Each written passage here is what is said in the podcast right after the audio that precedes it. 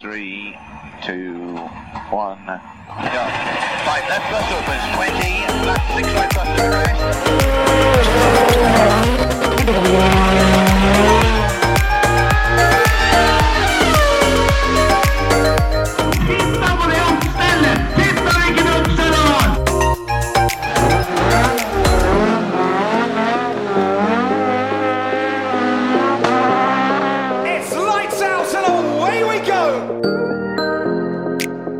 Da er vi tilbake. Og nå er vi faktisk ordentlig tilbake òg, for nå eh, var det nesten eh, spindelvev på mikrofonene, gutter. Ja, Det har vært sommerferie. Vi har kosa oss skikkelig mye. Og eh, så har vi gleda oss skikkelig mye til å komme tilbake og lage ny, fersk episode. Og så er du tilbake, men du har jo vært på telefonen. Du har jo hatt ordentlig ferie. jeg har tatt ferieferie. Du har jo vært borte eh, lenge. Ja, Og så sånn som jeg savna det. Ja, hyggelig gutter, det er hyggelig. Jeg satt jo her uh, mutters aleine og, og spilte inn til disse her, eh, disse her to Best Off-episodene. Det, det ble ikke den samme schwungen over det, altså. Nei, men eh, det høres jo som Best of-episodene har eh, slått bra an hos eh, dere som hører på. Ja. Så det er bra. Ja, det, det blei ganske ålreit, det. For vi har hatt eh, veldig mye moro da, opp igjennom. Ja, det har vært et halvår med mye gøy og mye, mye bra. Det må vi få lov å si. Ja. Det har det vært. Det mye bra gjester, og vi kan love at det kommer til å komme veldig mye bra gjester herfra og ut òg. Oh yes. Vi har en i dag, blant annet. Oh yes. Og vi har booka flere i framtida òg. Det stemmer. Dette her eh, Toget går, da. Det er sånn. Toget går. Ja da. Og så blir det jo ikke kvitt eh, at vi sitter her og chatter litt, da. Nei, nei, nei. Men vi skal ikke chatte så veldig mye akkurat i dag, sjøl om det har skjedd veldig mye rart uh, i ferie mens vi har vært borte. Men uh, det er jo rett og slett for det som Terje var inne på, at uh, vi har gjest i dag. Så um, vi må være litt uh, kortfatta. Så skal vi heller ta en litt bedre gjennomgang og få nevnt de som, de som nevnes bør til uka, tenker jeg. Ja, til uka syns jeg vi skal ha en fjaseepisode. Ja, skravle litt da, vet du. Skravla går. Ja, ja. Vi, eh, vi kommer vel ikke unna at det har vært kjørt eh, en del Formel 1. Nei. Så det må vi nesten prate litt om. Endelig så er de i gang igjen. Ja. grunn. Det går, det går ganske tett nå, altså. Nå har det jo vært uh, ei frihelg, men uh, det er jaggu det. Ellers så har det har stort sett smelt uh, omtrent daglig. Det må være ganske fint for deg, Kjetil. Du som liksom har vært veldig på og sett nesten litauiske mesterskapet i bordtennis, hvis det har gått live, og alt av simracing, uansett om det er noen klasser du ikke eh, liker å se på engang. Ja. At det endelig er i gang på ekte nå, liksom. Jeg så noe sånn kinesisk andredivisjon i badminton her eh, en natt. Da skjønte jeg at det er på tide å søke hjelp. Men heldigvis så kom sesongen i gang igjen, så da går det kanskje greit. Ble det noe blod i bamsen når du så det? Ja, det, var, det var for damer, så det, ja. Oi, oi. oi, oi, oi. Kunne svinge rekkert. Nei da, men, eh, men ja. eh, Fint at det er, at det er Formel 1-sesongen. Det er det. Så Det blir mer blod i bamsen av Formel 1. ja, Nei, men helt ærlig, blir det så jævla mye blod i bamsen av Formel 1-kjøringa? Nei, ikke nå om dagen. Nei, gjør ikke det, altså. Sorry, altså, men det tok altfor kort tid før det begynte å bli kjedelig å se på. ja. Det, mm, vi kan vel gå ut ifra uh, at dere som hører på, uh, har fått med dere åssen løpet har endt. Så vi gidder ikke gå inn i detaljer der, men Nei. det har jo endt litt som forventa. Og ja, så hva er det som på en måte er litt uventa, da? Vi var jo Altså, vi har jo vært inne på veldig mye av det som faktisk har skjedd nå. Det har jo vi forutsett, så vi har jo vært ganske gode der. Ja, det har vi. Men det som jeg må si, da, som har imponert meg mest i år, er McLaren. Mm. De, de er det eneste som har vært sånn wow. De er liksom overraska skikkelig. Bortsett fra det, så er det nesten sånn at uh, Disse rosa bilene har jo tatt noen steg, da. Jo, jo, men det, Men- men, det, var ikke uventa, kanskje. Nei, for det visste du veldig om etter øh, testene i Barcelona før året, at Mm. det er en rosa Mercedes. Og så stiller du opp med en Mercedes, så blir det jo bra. Ja. De gjør det nesten litt dårlig, syns jeg. Ja, Med tanke nå på i hva- helga gjorde de det veldig dårlig. Med tanke på at de har en Mercedes. Ja, Så de, de skuffa jo nå. Det Mm. var jo kjempenedtur. men det er klart, Og at ikke Hulkenberg fikk start og sånt, og det var veldig kjedelig. Heldigvis så får han jo kjøre nå. For der er du inne på noe. For det, det kan, vi jo, kan vi jo ta med oss, da. For det, det er ikke sikkert alle har fått med seg. Men eh, Sergio Perez, han, eh, han eh, fikk koronavirus. Han ble smitta. Så han måtte stå over to løp minimum. Mm. Får vi se hvor lang tid det tar. Og da var det jaggu duka for Hulkenberg igjen. Ja, det var mange navn som var innom eh, chatten vår. Hvem som, eh, hvem som kom til å ta over det setet der. Ja, De trodde jo hele tida at det var han, men om de ikke skulle velge han, så Ja. hadde det vært ganske interessant å liksom finne ut hva er det hva er de har bakover på lista der. Altså, Stoffel Vandoren var vel eh, mest sannsynlig den som egentlig skulle vært inne. Ja. Men han var opptatt med å kjøre noe kjedeligere bil i Tyskland. Sikkert ikke jævlig fornøyd med å måtte takke nei. Nei, det, det er jo ikke akkurat eh, en sjanse du, du får hele tida, det greiene der. sånn, så Nei. Jeg så vel eh, en post med tidsskjema til, til Hulkenberg fra det øyeblikket han fikk telefon. Og eh, det var ikke mye klaring der, altså. Da han var innom og tilpassa noen stoler og fikk kjørt litt simulator og alle sånne ting. Og så var det ti minutter før første trening. Da, da kom eh, covid-testen hans tilbake, sånn at da var det greit, du kan kjøre. Mm. Og da var det det at han fikk ikke lov til å gå inn i depot før den Nei. testen var klar. Nei. Så det var, eh, det var jo masse videoer at han løp gjennom depot, Ja. og da var det å få tak i en kjøredress. Og heldigvis var da Lance Stroll tre centimeter lavere enn han, så den passa sånn tålelig. Litt ballklem. Ja, få, få på seg den. Og det ville jo på en måte vært litt naturlig at når du kommer eh, så seint på jobben, da, Ja. at da kommer du litt seint ut på første treninga. Det tok 13 minutter, så var han på banen. Ja. Han var en av de første utpå, faktisk. Mm. Han uh, klagde vel også litt over det at han var litt øm i stumpen pga. at det ikke, ikke stemte helt med kjøreresten og sånn, men uh, det tror jeg han, uh, han syntes var helt greit. Ja. Det Det var jo også det at det setet ble støpt, eh, for de støper jo setene etter hver fører. Mm. Og setet, det ble kanskje Det var kanskje litt hastverkarbeid der. Det måtte også være. De hadde to forskjellige, som hadde nok et som var kanskje støpt litt bedre, Mm. som kanskje tok litt lengre tid. Mm. Og så klaga han på at det ble en sånn hotspot i ræva. Ikke at det ble varmt, men at det pressa, da. Ja. At det ble for mye trøkk. Klager, altså. Divar, hele gjengen. Å, fy faen. Men Jeg har kjørt mye simracing. Jeg har ikke hatt følelse i ræva en eneste gang. Har du hørt meg klage over det? Ja. Ja, flere, det flere ganger. Opp til flere ganger. Men eh, om han eh, ikke, ikke klaga så mye over det, så kan det vel hende han syntes det var litt mindre greit med denne bolten i kløtsjhuset som knakk, som gjorde at han faktisk aldri kom til start på løpet. Ja, men der Ja. tror jeg kanskje om de har gjort den feilen som For jeg bytta ned girkasse på Volvoen på 240. Ja, Der er det én bolt, den øverste til starteren. Ja, Da må du file huet på den, så du får da, for så er det rundt, så må du få det sånn trekanta. mm. Ellers så får ikke den bolten inn. Nei. Da Det- går den mot det som girkassetunnelen, da. Det er, nok, det, er, det er kanskje der de har gjort feilen, det var det første jeg tenkte. da, At her må de egentlig fram og file litt. ja det, det er garantert bolten opp på starteren. Ja, det er Ja, det. altså, det, er, det er nødt til å være det. Ja. Og jeg, jeg har tegninga på åssen det skal gjøres hvis de, hvis de sliter nå Ja. med å få ut den bolten. De har, de, de har skrudd for lite B20, de der gutta der nede. Det Altså. er det de har. Ja.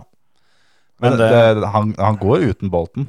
Hvis de, hvis de hadde prøvd, så hadde det gått. ja, nei, for her var, jo, her var jo feilen at de trua inn denne bolten. da. Ja. Og det, Må aldri true en bolt. da, da knakk den. Det det går ikke. Nei, så Jeg har ikke sjekka det opp, men jeg prøvde å tenke litt på det. At når skjedde det sist at en bil ikke kom til start pga.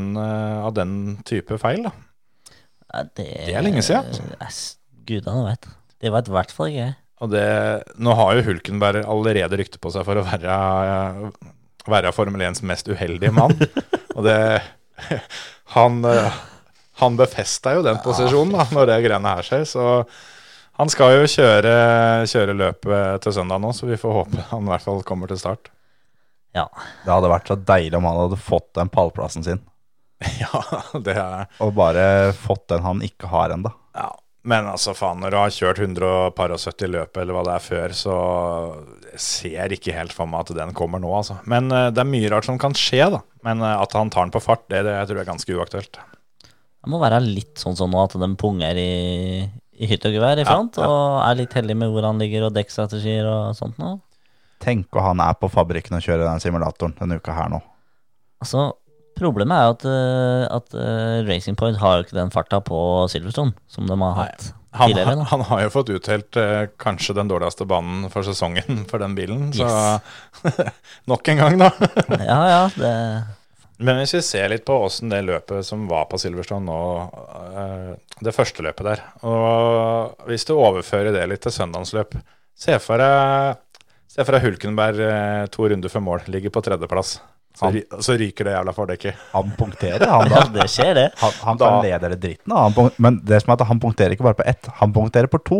Ja, det, men da tror jeg faktisk han setter fyr på kjøredressen og blir regnskapsfører. Altså. Da tror jeg han bare driter i hele greia.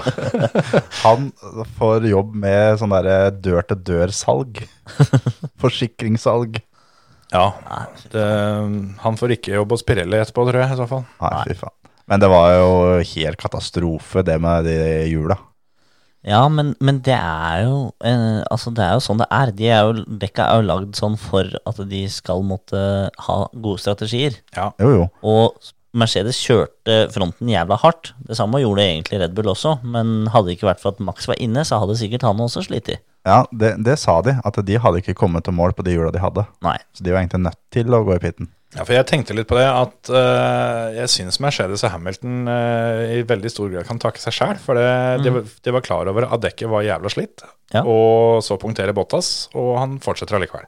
Ja. Men, Da- men, sånn men er akkurat nå, da Ikke bare så fortsetter, men pusher. Ganske greit. Men også så jeg det var en tweet om det er sånn at den der um, uh, grafen, eller det bildet du får opp med hvor mange prosent det er igjen av hvert hjul, Ja. Det er første gang i, i dette året som den faktisk stemmer. For nå var det 10% på venstre framhjul. ja. Ja. Og noen ganger før så har det vært 5% etter ei runde, så den har ikke stemt noen gang. Nei, ikke sant. Men uh, nå så stemte den faktisk. Men det som også er litt interessant, at det her er første løpet Hamilton ikke klager over, dekka sine. Da punkterer han. Ja. ja, kanskje det er det som må til. Og han er jo da alltid den som etter ti runder så sier han at dekka mine er jo ferdig. Jeg har ikke noe grep. Jeg har ikke noe grep. Jeg har ikke noe grep, jeg kjører bare tre sekunder foran eh, Ja. kjappere enn nestemann. Jeg har ikke noe noe grep. My tires are dead. Bono. Men baller, det, det har han i hvert fall. For det med dette punkterte hjulet på siste runda, så fikk de klokka din til 235 km over sletta når, når gummien henger og pisker deg i kinnet. Det, Han vibrerer bra der, altså. Ja, fytt helsike. Altså, jeg tenkte jo først det, for når jeg satt og så på løpet, så, så satt jeg og så det litt sammen med kona, og da da, da prater vi faktisk om at eh, vi Eller hun foreslo faktisk at vi skulle dra på Formel 1-løp neste år, så jeg blir ikke skilt med det første. Solgt. Så, men, eh, men da og Det var for å få litt mer på en måte fartsfølelsen og sånn. da Og så sa jeg at ja, jeg, jeg skjønner jo hva du mener, for det, det du ser på TV nå, det ser jo ikke ut som de kjører så fort. Og, og det her var formasjonsrunden, men som da kjørte sikksakk. Ja. Så det er med han, eh, han som kjører sikksakk der, han har 150-60 km i timen, liksom. Men altså, det morsomme er når, når de ligger bak safety car, Ja. Og så ligger de der og cruiser og bare varmer Ja, hjul og sånn. det ser ut som det går i 60. Det de ikke tenker på, er at han safety-karen, han kjører alt han makter. Ja, han, han pusher, for det er noen, eh, noen steder på banen som du ser at den Mersa Ja. Den går og småhopper og småsladder. liksom. Han ligger på grensa hele veien. Ja. Og Og det er, det er ikke sånn at det er en sånn Fiat Panda som kjører rundt og tar deg. det er en AMG, liksom. ja, ja, ja. Med en profesjonell sjåfør. Ja, ja, ja. Ja, men Bernt Meilender, han har kjørt bil før, han altså. Det er eh, han, eh, han har kjørt en sikkerhetsbil nå i så sykt mange år at eh, han kan den bilen. Altså. Det går ikke fort her, det. Nei, nei. det, den går ikke fortere. Men det har de faktisk testa en gang, var en gang i fjor. For det er jo samme type bilen som eh, de bruker til sånn showkjøring. Ja. Som f.eks. Hamilton tar med seg en sponsor. da. Ja, eller, eller Frank Williams. Ja, eller, eller, eller han. Og da er jo, hender det jo at de Formel 1-førerne faktisk pusher. Mm. Og de holder ikke følge med han safety car-sjåføren. Nei, Bernt er fin, han. Bernt kjører som faen, meg altså. peiling, altså.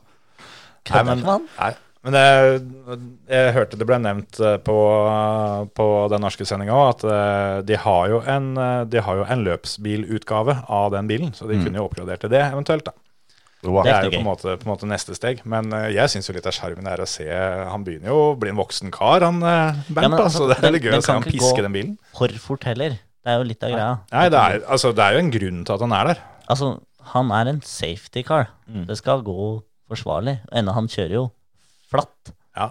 Det er jo på en måte noe gærent hvis safety caren tar 14, 14 runder på taket bortover sletta, liksom. Det at Og det han, har hendt de har dratt av. Ja. Så det Nei, det Nei, men eh, at de guttene har eh, Steinar i posen, det er i hvert fall ingen tvil om. Så Hvis noen lurte på om det går fort, da, så den uh, høyre fullfartssvingen som er etter uh, ene målstreken, eller startstreken, eller hva faen det er på den banen der, jeg tar faen. ja, den ene startstreka Ja, det er jo Den gamle, Gamle- startstreka. Ja. Altså, da heter ikke den Maggots and Beck det er jo sikkert. Nei, det er de S-ene, det. Ja, det er jo den du mener. Maggots, Beckets and Chapel. Så Ja, går det full fullfart høyre, og så er det dritmye asfalt og sånt noe, men det er en off-track eh, Ja, eh, vei, holdt jeg på å si. Eller du kan ikke kjøre ut utafor grønne der, da. Nei.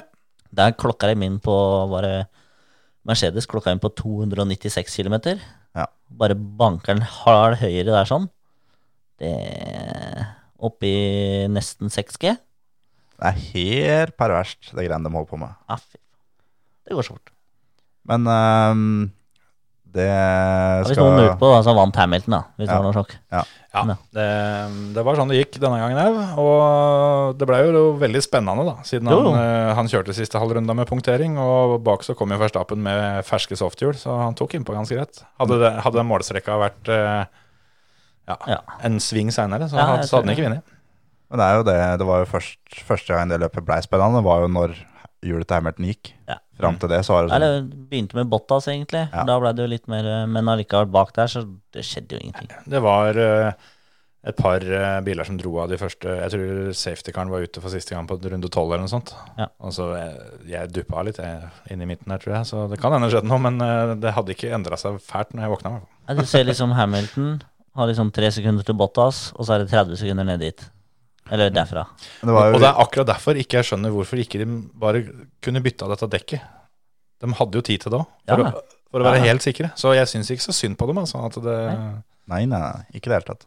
Men det var jo Vi skjønte jo tegninga ganske tidlig. For Vito var jo Gjøvik Emil på gokartløp, og vi så kvalen. Og det liksom var et sekund ned til nummer tre fra Hamilton. Det er så dumt. Da er det sånn å skjønne at det her Det blir jo ikke noe spennende. Og det ble det ikke heller, for eh, det var egentlig bare én runde igjen. Ja.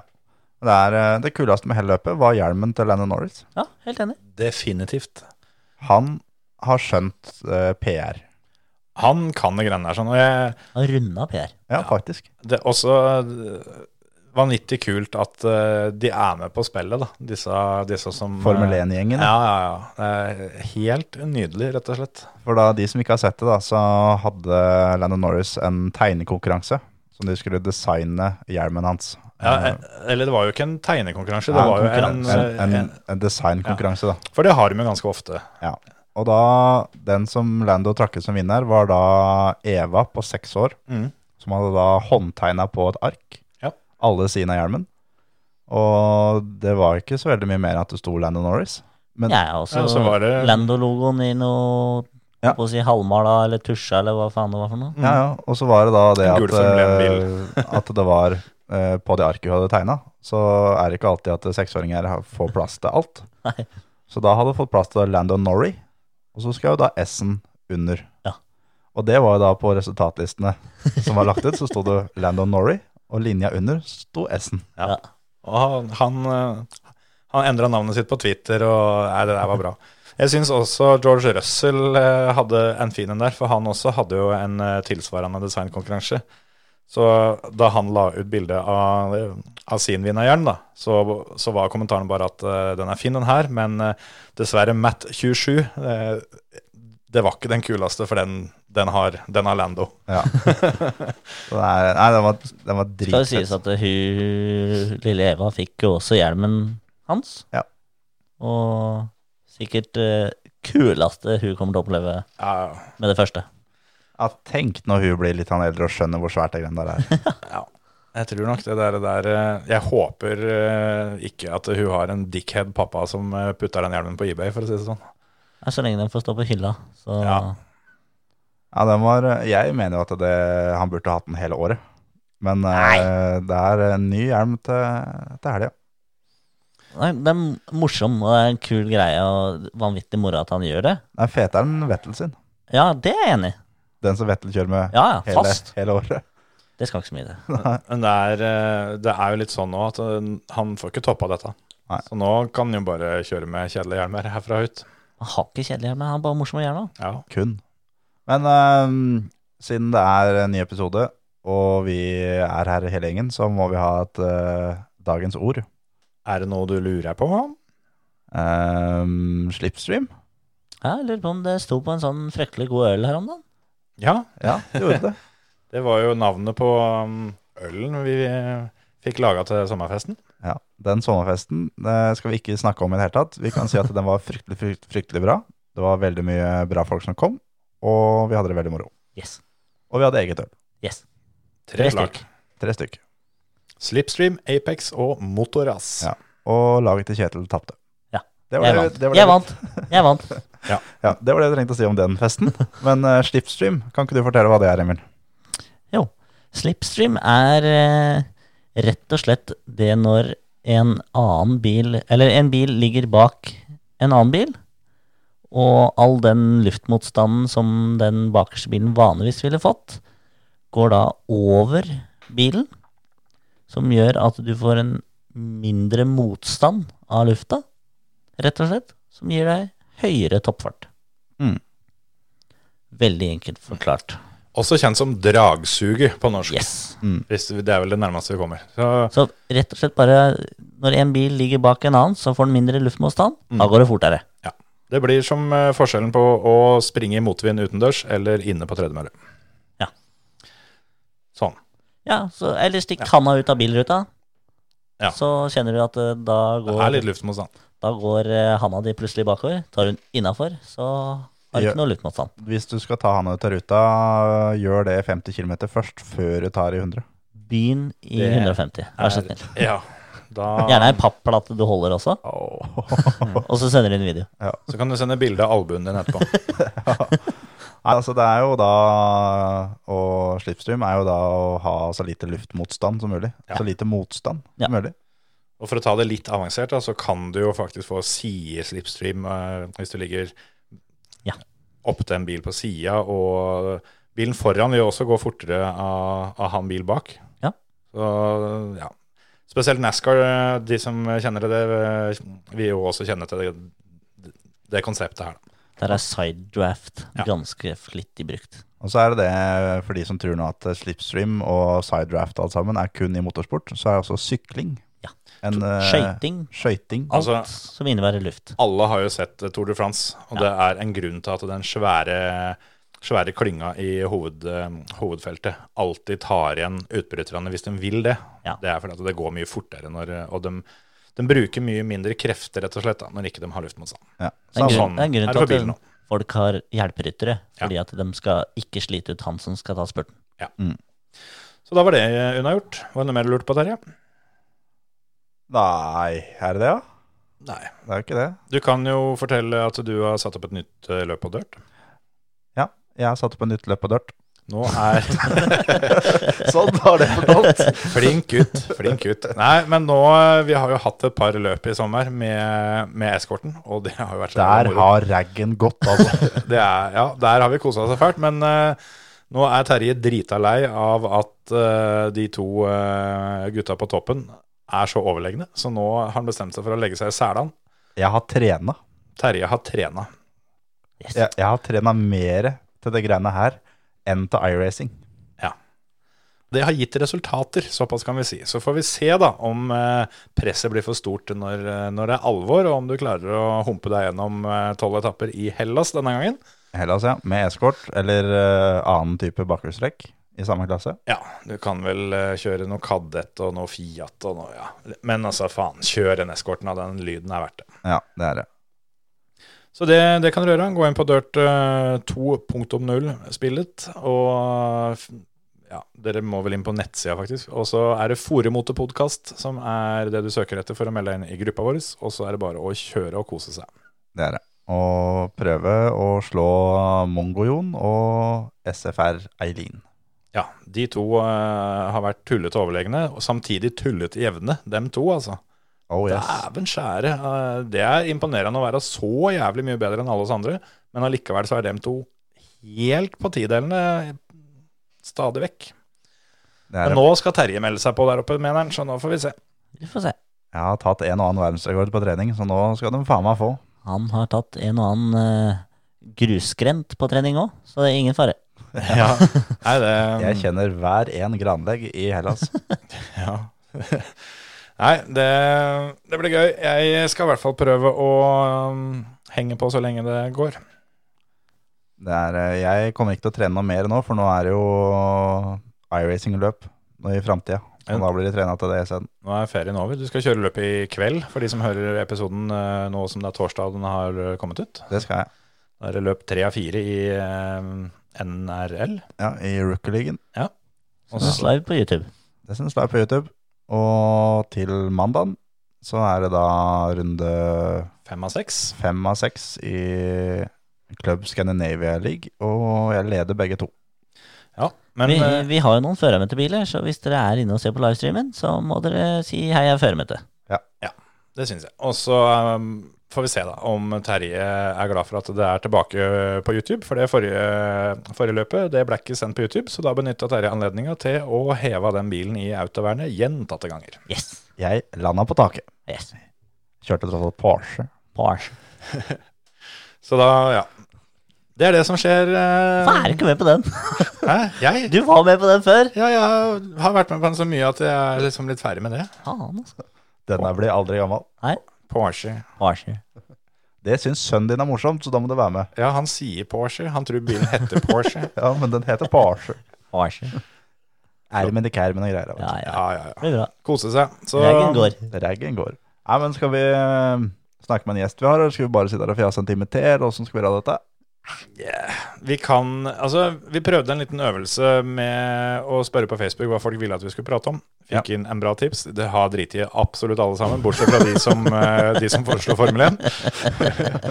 uh, vi fikk et spørsmål om at det var på tide å prate litt bilcross. Men det er jo er det blitt da to-tre gjester siden vi prata en del bilcross med Tom Christian Lien. Og det blir nevnt i hvert fall litt bilcross i dag òg, tenker jeg. Så, Det gjør det nok helt sikkert. men uh, ja, ja til mer bilcross. Jeg er med på den, altså. Ja. For da, i dag så har vi da Thomas Bendiksen som gjest. Ja. Han har vært med på ekstremt mye rart, og de fleste har hørt om han, men eh, svært få veit hva han egentlig har gjort. Ja, han er eh, Han jobber jo til daglig på Vålerbanen. Det gjør han. Og eh, ja vi, Hva skal vi si som intro til Thomas? Vi må kanskje forklare litt hvem han er. Jeg er en glad gutt. Han er en gladgutt. Jeg tenker det holder, jeg. Det, ja, det gjør i grunnen det, altså. Thomas er, Thomas er fin og har vært med på veldig mye moro og mye sjuke greier. Så Mye gøy. Ja. Skal vi rett og slett eh, gå ned og hente Thomas? Ja Du hører på Førermøtet, Norges beste motorsportpodkast. Ja, da kan vi, da kan vi si velkommen til Thomas Bendiksen. Ja, takk skal du ha. Du har tatt turen eh, helt til Indre Vestfold. Helt til Indre Vestfold. Med firehjuling. Ja, faktisk. Jeg Må tenk- jo, må jo benytte sjansen. Ja, jeg tenkte litt på det da du Eller da jeg hørte at du, at du kom, så tenkte jeg at eh, faen, er det folk som kommer på motorsykkel? Sånt kan vi ikke ha med her. Så kikka jeg ut vinduet, og så var det heldigvis fire hjul på det, da, så da, da gikk det greit. Jeg kan ikke kjøre to hjul. Det går gærent. Nei, da hadde du nesten fått beskjed om å snu. Ja, Nei, men du skal ikke være redd for det. Det er fire hjul. Det, det går bra. Eller det var null hjul borti gata her. Det var et sånt veldig krønn, fant jeg ut. Ja, eh, jeg lagt inn noen feller. Ja, og Han den kjørte nemlig over himmelspretten.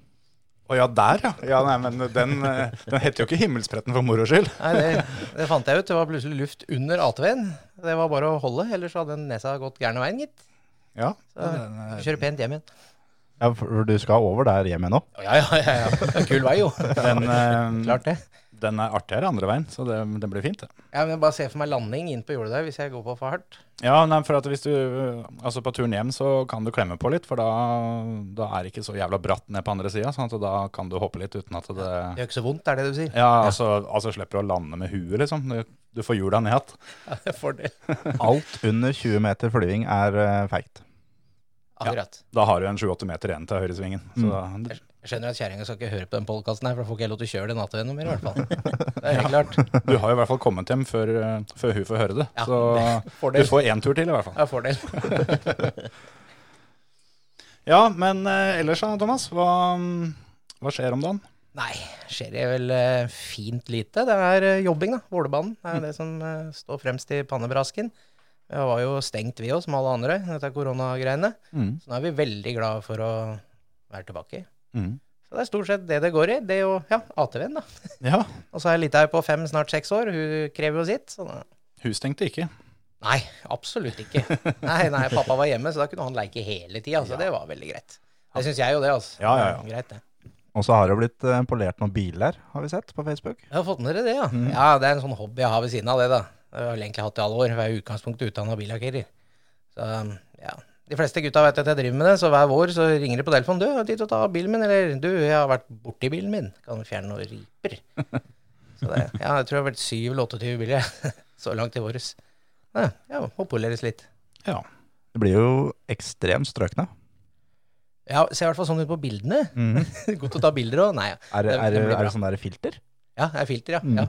Nei da, det er no filter, faktisk. Det er, eh, nei, vi får til det greiene der. Hashtag no filter. Ja, hashtag no filter. Nei, jeg har ødelagt mye biler før jeg fikk det til, så nå går det greit. Nå er det trygt.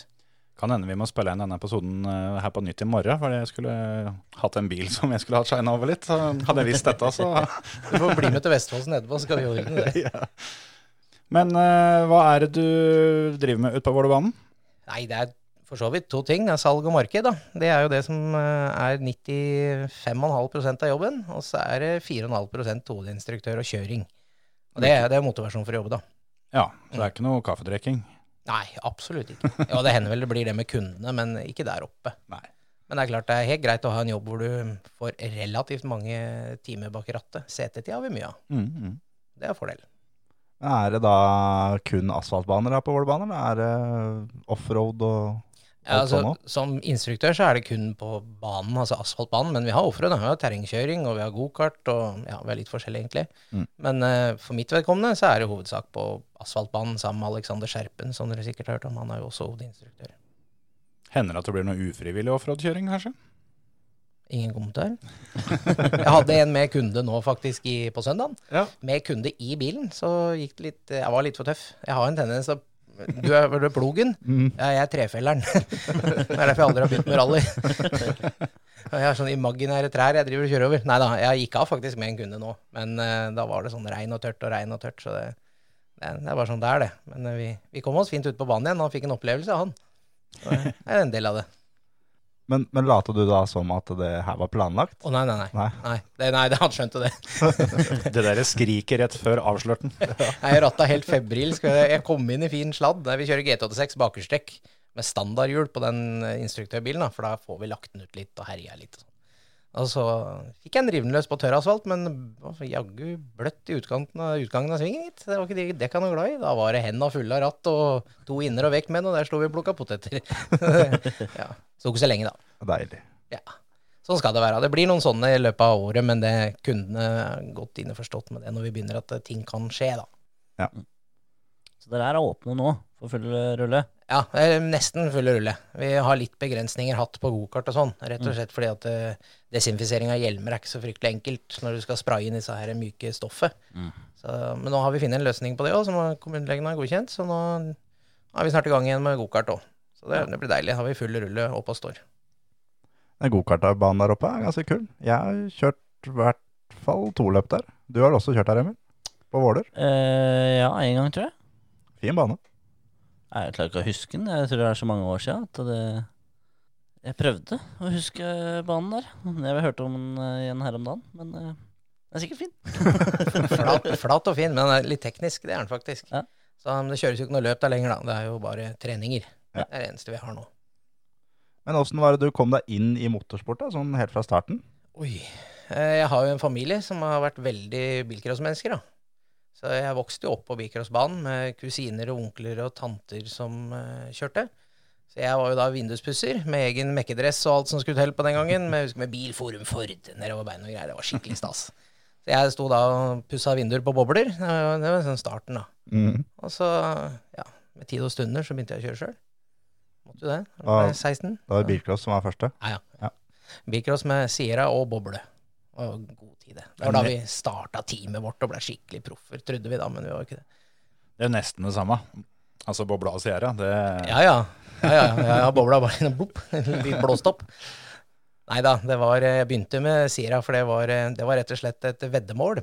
Eh, Jeg var på noe som het Drammen Ungdommens Motorsenter. Mm. Det var jo det største bilcross-teamet på, på den tida, som kjørte med like farger. Det var fryktelig mange biler. Og det var jo et kommunalt senter i Drammen, hvor ungdom som ikke hadde garasje å skru i, eller foreldre som kunne hjelpe til, eller noe, kunne komme ned. Og så sitter vi der oppe, og så Der kunne du spise middag og greier, oppe i annen etasje. Så sitter vi der, og så ser vi ut av vinduet, og så er det en som heter Tom Erik Ellefsen, som sier at ja, faen, du skulle ikke kjørt noe enn du, da, Thomas. Nå er det liksom lenge siden. Ja, sier jeg, men jeg har ikke noe bil, da, sier jeg. Nei, du klarer ikke å bygge heller, sier han. Og jo, sier jeg, sier han min. Skal, ja, når er neste løp Hakkavik om ei uke, sa han. Ja, jeg kan bygge noe med, sier. Jeg kan vedde, jeg. Nei, det tror jeg ikke noe på, sa han. Da var det jo gjort, da. Så jeg sto på startstreken ei uke etterpå, men jeg hadde ikke noe gatebil lenger, da. Så det var, det var sier han. Ja. Og 18-årspresangen fra mamma og pappa. Den ble bilcrossbil. Ja, men den eh, steig vel fort uh, en del i verdi da, når du fikk i bur. Å ja, ja, ja. Stakkar. Jeg husker Lars Rokka, han skulle sveise bur for meg. Jeg tror jeg ringte den annenhver time, jeg, for jeg måtte ha han klar til den dagen. Så han var klar fredag kveld. Da var det bare å stupe opp til Hakavika. Ja, ja. Men jeg vant veddemålet, i hvert fall. Ja, Men Dum- du dum- vant ikke løpet. Nei, absolutt ikke. Med en Sierra på, på Hakavika, det er kanskje ikke Det går ikke som fot i hose. Nei, opp bakken var litt hard, og så fant jeg ut at det var, det var en bil fattern hadde fått tak i og pussa opp litt og sånt med, da. Men eh, jeg hadde jo ikke kjørt noe særlig gris på veien. Eh, så på startplata så skjønte jeg jo det at her er det noe jævla rart, for fattern hadde glemt å feste det siste motorfestet på motoren. Jeg syns det var litt mye bevegelse når jeg sto på plata. Så ja, ja. Men jeg vant veddemål, og det er det viktigste. Jeg klarte å bygge bil på ei uke. Det syns jeg ikke var gærent å være 19 år. ja, Og så fikk satt på plass han Tom Erik litt. Han smiler breit i barten sin av den dag i dag, han. Det er gode minner. Det er, eh, er imponerende, det, altså, på ei uke. Ja, det var, eh, det var en snill arbeidsgiver òg. Jeg var billakkerlærling, så jeg fikk lov til å ta litt fri. Og mot at jeg jobba litt helger seinere, så jeg måtte ta igjen litt når vi hadde biler som egentlig skulle vært levert. Så måtte jeg stå igjen og sprøyte de Ja. seinere. Så ja, det var greit, det. Jeg tror jeg så vidt fikk malt golfen jeg på ei uke. Ja, Det tror jeg faktisk. at du så vidt fikk gjort. Jeg pleier jo stort sett å male bilene mine når jeg kommer til løpet, så jeg skal ikke si noe. Jeg har jo hatt, eh, Det var et år vi kjørte i Armark, Kjetil, som eh, vi kommer til omgang fem. Før du fikk eh, For vi kjører da hvit bil med rød stripe. Femte omgangen, da kom den røde stripa på. Ja, men det var jo fordi at uh, jeg hadde jo malt, uh, malt hele bilen hvit. Det, det var jo da før første omgang. Det måtte jo tørke det dagen etter. Selvsagt. Og da, så gikk det jo sånn eh, helt OK, så da, da tenkte jeg at må ikke kødde med det. Jeg tror jeg hadde rødstripa på den ene sida ut mot publikum. Og så For det hadde jeg til fjerdeomgangen, og da gikk det Da tror jeg jeg fikk heatseier. Og da fant vi ut at det er jo selvfølgelig stripa sin skyld, så da må vi få på den andre òg. Så da, etter femte gang, så var bilen endelig sånn tålelig klar. Sjøl om jeg hadde bare, bare fått på ett, ett strøk hvitt, da, så han var litt sånn skitten i dette greiene her. Og den var lyseblå før du begynte. det stemmer. Oi. Det var pen. Og det var ikke ei eneste rett flate på den bilen, så det, nei, det, det, det var litt av et syn. Den eh, ble solgt, den. Heldigvis. Ja. Uff a meg. Nymalt bil, da øker prisen. Absolutt. Men Thomas, du nevnte at det starta da et team. Ja, BB Racing Team, som het, med dødningeskalle til lo og greier. Det var særs profesjonelt. Den fjerna vi fort. Men vi var, skjønte at det var ikke sponsorvennlig. Det var litt sånn harry. Men vi var tre karer, da. Det var eh, B for eh, Berntsen, en som heter Raymond Berntsen. Og så var det B for Bendiksen, og så var det H for Hegg. Det var Frans Martin Hegg. Og vi kjørte bilcross og lagde da team, og så utvikla det seg litt etter hvert, da. Så da var det jo to biler i rallycross, og så Nei, tre biler i rallycross var vi til slutt. Så ble vi til slutt to nasjonale og en supernasjonal bil. Det var der vi begynte på en måte med teamet. da, så På storhetstida vår så var vi jo tre Formel Basic-biler, én Volvo 940 rallycross, og så hadde vi en C30 Supercar, som det kalles. Den ble, var en oppbygging, og så hadde vi litt service på bilen til Hundspett. eh, Siste fokusen han hadde, for Morten Flåt var en del av teamet vårt på slutten. Og så sto Molly der med bilen sin. Da, det øker litt da fra å begynne med bilcross til å få det greiene der. da. Ja, det var voldsomt. Og det var mye folk inne. Det var sånn samlingspunkt i Lier. For Frans Martin han er jo gårdssønn på et gartneri, Hegg gartneri i Lier. Og så hadde han og jeg en liten verkstedel i den ene enden av det ene, ene drivhuset. Men så skulle de bygge om, og da sier faren at nei, vi må bygge et verksted. Og så dro vi i gang noen sponsorer og fikk eh, Flyger Norge med. Og så de dekka jo epoksy, og vi fikk noe malerjobb til strimling og gips i taket og så videre. Så vi fikk et jækla svært verksted. Jeg husker ikke hvor svært det var. 500 kvadrat eller noe sånt. nå. Det var ganske voksent, altså. Med svær smørgrav og, og alt. Og da hadde faren til Frans Martin en liten krok til hjullasseren sin, og så, og så hadde vi resten, da. Og så på det verste så sto det faktisk Formel 1-bil der inne. En kar nede i Østfold som eier en Formel 1-bil, som havna hos oss for å stå der for pleie og Det var stas, da. Vi fikk jo selvfølgelig ikke starta han eller noe, men folk ble lange i maska når de kom inn. Det hjalp når du hadde sponsorer på besøk første gang, i hvert fall. Det var det ikke noe tvil om. Ja, det, det å ha en Formel 1-bil i verkstedet, det, det har ikke vi hatt der vi har vært, Kjetil. Nei, det har vært eh, forholdsvis langt unna òg. Ja, det har vært jævlig langt unna, faktisk. Men eh, jeg ser for meg at det, det går an eh, å få laga noen veddemål du kan vinne med det, med det der òg.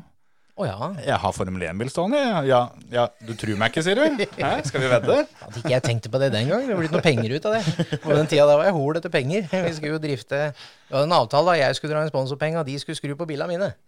Ja. Så det var, eh, ja, det var mye, mange biler å dra inn penger til. Det var ikke noe tvil om, men vi fikk noe til da, på noen rare metoder. Mm. Det var jo sånn interessen for salg begynte, for jeg var jo egentlig utdanna billakkerer, men jeg endte jo opp med en salgsutdannelse og markedsutdannelse istedenfor, da. Mm. Oppå der igjen, for jeg skjønte at eh, jeg er bedre med kjeften enn jeg er med lakksprøyta i hånda. Så da ble det ble det. det. Hvor mye tror du du har fått inn i spons gjennom alle år? Nei, gud, det veit jeg ikke. For du er nødt til å være en av de som har fått inn mest, tror jeg. Ha, nei. nei da, hvis du tenker på hele Norge Nei, det er mange som er mye større enn meg. Se på Petter, og de er jo mye større. Så nei, jeg men, veit men av vanlige folk. Ja, kanskje. Mm. Jeg veit ikke. Vi har dratt inn På den tida så dro vi inn veldig mye, men vi, vi solgte jo ikke spons sånn som det vanlige motorsportutøveren gjør. Vi hadde ikke noe trua på det, vi. Vi var sånn at, eh, eller Jeg tenkte sånn at hvis jeg drev en bedrift, og det kom en til meg og sa hei, får jeg 10 000 kroner, skal du få reklame på bilen min, da skal jeg selge for 10 101 kroner. Fordi at eh, på bakgrunn av den reklamen han har på bilen, da. Fordi at eh, det er litt administrasjon med dette, skal produsere reklame osv. For det er jo ingen som gir bort 10 000 kroner, tenkte vi. Det må jo ha noe igjen, og det er jo ingen som handler for 10 000 kroner om jeg har det på bilen min. Men rekker jo pokkeren ikke å se det engang. I hvert fall ikke når vi drev med bilcross og rallycross nasjonal. Så da begynte vi heller å lage event for sponsorer. Det var et event vi solgte. Vi gikk og så sa du, hvor mye skal du bruke på de ansatte i år, da? Nei, 50 000-60 000. Ja, spons oss med 30, og så skal vi ordne det. Og så gikk vi da til eh, gokartsenteret, vi gikk til paintballsenteret, og så sa vi det at eh, du trenger dere å få bedrifter innom for å se, altså sånne såkalt visningsdager, da. Ja, de dreiv med det, men det var ikke så lett å få det. Nei, men det kan vi fikse, men da må vi få det gratis. Og så får dere i tillegg reklame på bilen. Det er tøft, så kan dere stille den ut her. Da hadde vi plutselig gratis lagring av noen biler òg, kjempekjekt. Men sånn dro vi inn penger, da. Så vi solgte rett og slett event, vi. Det var det vi gjorde. Så vi bygde jo en egen eventpark til slutt, ute på jordet ute på Gartneri der. Og vi hadde paintball og noen gamle bilvrak og hinderløyper og øksekasting, og det var ikke måte på hva vi hadde ei stund utpå der. Det hørtes ut som sommerfesten vår. skal jeg si. Ja, Veldig likt. Veldig, veldig likt. Jeg savner den tida. Det var gøy, det. altså. Det var veldig gøy. Og vi hadde jo spesielt Raymond, da, som var i teamet, han Berntsen. Det var jo han det handla om mest til slutt, for han blei jo vanvittig god. Mm. Um, og så bygde vi jo Morten Flott, han bygde jo en C30. Jeg husker ikke helt hvem det var som skulle ha den C30-en. Det var en eh, Det kalte jo divisjon 1 den gangen, da. Mm. Um, den endte jo opp hos Raymond, for det, det blei noe et eller annet stopp i bygginga. Så den skulle jo bli en sånn uh, Hva het det for noe? Klassen under uh, divisjon 1? Hva er det var for noe da? To? ikke, husker ikke. Ja, ja var, det, var det det det het da? Når de begynte å kjøre Fiestaer og alt mulig rart i klassen under med tolitermotor? Uh, touring car. Bakersekk. Ja, touring car. Det var det vi skulle bygge til han, da, men økonomien den eh, stranda til slutt, for da var det huskjøp og ja, voksenlivet kom. Mm. Så, god tid. Jeg må si det var en, eh, en, en snedig variant, det der, og ikke minst en, en snedig gjennomføring, det med, det med den der sponsorjobbinga. Der er det mange som eh, har mye å lære. Ja, men det funka, for det, det var jo så mange som fløy rundt og skulle ha reklame på bil, ikke sant. Mm. Og så kommer vi, bank, vi, vi, vi, vi ringte jo aldri, vi gikk jo bare banka dører. Vi var jo naive, ikke sant. Så sto vi på, på trappa der og skulle gjerne snakka med daglig leder. Visste jo ikke hvem daglig leder var engang, ikke sant. Og vi gikk gjerne til sponsorene til de større utøverne, for dem hadde vi jo sett. Ja. Og vi tenkte ja, de liker jo sikkert motorsport, ikke sant. Så når vi så at Jonny Sandmo hadde autoutstyr, og Morten Berminger hadde autoutstyr, ja, men da skal vi ha autoutstyr òg. Vi fikk til det til slutt. Men det er litt sånn når du står inne på gulvet der med lua i handa, og så forventer de at du skal si reklame på en bicrossbil. Men så spør du istedenfor det. Hvor mye skal du bruke på de ansatte? Hæ? Så du tar dem litt på senga òg, da. Så det var kanskje element of surprise, men ja. Det har vel vært mottoet vårt helt siden, tror jeg. I veldig mange av de sponsorjobbene som jeg har gjort, så har det vært mye aktivitet. Altså sørge for at sponsoren har noe han kan holde i handa, da. Mm. Ikke bare Selvfølgelig, kommer du opp i, stiger i gradene her, så er resultatet viktig. Resultater og synlighet og profil og sånn, men uh, det at de kan ta og føle på noe, Mm. det, det er litt lettere hvis du har en ræva sesong òg. Da har du på en måte gitt noe tilbake, ikke sant. Du har en backup der. Ja, du har en backup der. Det, ja, God filosofi, tror jeg. Den funka i hvert fall for oss. Det er ikke sikkert den funker for alle, men ja. Oss så funka han veldig bra. Jeg tror den har litt, eh, litt større sjanse eh, for å funke for flere enn Mm. en den der tradisjonelle, som du sier. Og så tror jeg kanskje du kan ende opp med å, å få litt mer på den måten. Ja, også hvis du gjør det nok, da. Det er det som er greia. Trening. Gå ut og bank de dørene. Ikke, ikke tytt det der Jeg får litt sånn hetta når jeg ser folk eh, sende sponsorsøknad på Facebook. Det er sånn, ja, det kan hende du får inn noen kroner på det, men skal du ha inn noe du kan ikke Jeg spons meg! Det er sånn, Nei, det er ikke sånn det funker. Sorry. Må gjøre en innsats. Ja, det er liksom det at det er det, de som legger ut på Facebook, så er det sånn at du De som eventuelt betaler noe der, da, eller sponsor, det er jo fordi at de syns synd på dem. Ja, ja, eller at du kjenner den og, og vil hjelpe til, da. Mm. Det har jeg gjort. Jeg har gitt altså, alt fra kronerullinger Jeg har gitt penger til folk jeg, som jeg syns er jævlig ålreite. Som har stått i beita og trenger penger til dekk eller hva det er for noe. Ja, ja, moro. Kast inn noen kroner, da. Vedkommende er kanskje flink til å kjøre, men så får de gjerne en melding ved siden av. 'Nå får du penger, nå må du jaggu lære deg å jage sponsorer. Skal du få det til?' Mm. Og så er jeg gjerne litt dum, da, så jeg ringer meg hvis du trenger hjelp. Og så, og så er det jævlig mange som ringer. Du, kunne du skaffa de sponsorene? Ja, ikke sant? Det ender veldig fort opp med det spørsmålet der, da. Men, men. Sånn er det. Har du håper å si, jobba mye for mange for å skaffe sponsorer? Nei, ikke for så veldig mange. Jeg har gjort noen sånne hjelpa til litt her og der, men det begynner jo å bli et par stykker. Det gjør jo det. Det er eh, ja, naturlig nok, da, i og med at jeg har vært i teamet til Molly hele tida, så jobba jeg Men hun klarte seg fint sjøl òg. Men uh, vi jobba jo litt der med å hente inn penger til hun. Alexander Skjerpen jobba jo med den dag i dag. Nei, det er mange flere. Sånn smått histen og pisten og alt ifra båt til tohjul og firehjul. Jeg skal kanskje ikke si tohjul til dere, for da blir jeg kasta ut, men ja, tohjul og, og firehjul, ja. Tohjul det går bra, det. Og ingen hjul med båten? Og, og ingenhjul med båten, ja. ja. Ja. Så har vi kjørt noen kurs, det gjorde vi når vi drev med Formula Basic. Så kjørte vi noen kurs for de yngre gutta der, da, som, og jentene ikke minst, om hvordan de skulle klare å skaffe seg sponsorer. Så det var gøy, det òg. Men etter bilcross så gikk du videre til rallycross sjøl, Ja. som før her. Ja. Da var det med golf. Ja, ja. Da, da var det ganske mange som kjørte golf, og da var det liksom på storhetstida i Var det lille super? Superklasse 1? ja. Det var klasse 1 supernasjonal, ja. Og det som var fint, at vi kunne også kjøre nasjonal. Mm. Det kunne vi gjøre med de. Kjøre under 2-4. Og det gjorde vi jo. Så du fikk jo potensielt veldig mye helger, da. Så det var gøy. Det var helt på slutten av storhetstida til bilene som vi kjørte av golfene, for plutselig så kom jo så her eh, sakssonene med 16 V og ja. Det var jo greit, det var noen av golfene som hadde dogboxer og sekvensielt, da, men eh, det var de færreste. Det var Flaten, han hadde jo det. For på, på den tida så var jo da kjørt så mye mot en av våre tidligere gjester, Stian Ormestad. ja. Du har hatt noen fighter med Stian. Erkerival. Nei, vi er veldig gode kompiser, men akkurat når det kommer til litt sånn kjøring, så har vi slenger litt dritt i hverandre. Men det er, på god, det er bare godt, da. Men ja, jeg har, mye, jeg har gjort mye dumt sammen, ja. Det har vi. Både på banen og, og nå i det siste, da, på PlayStation. Det er, det er jo helt håpløst. Jeg klarer aldri å slå den.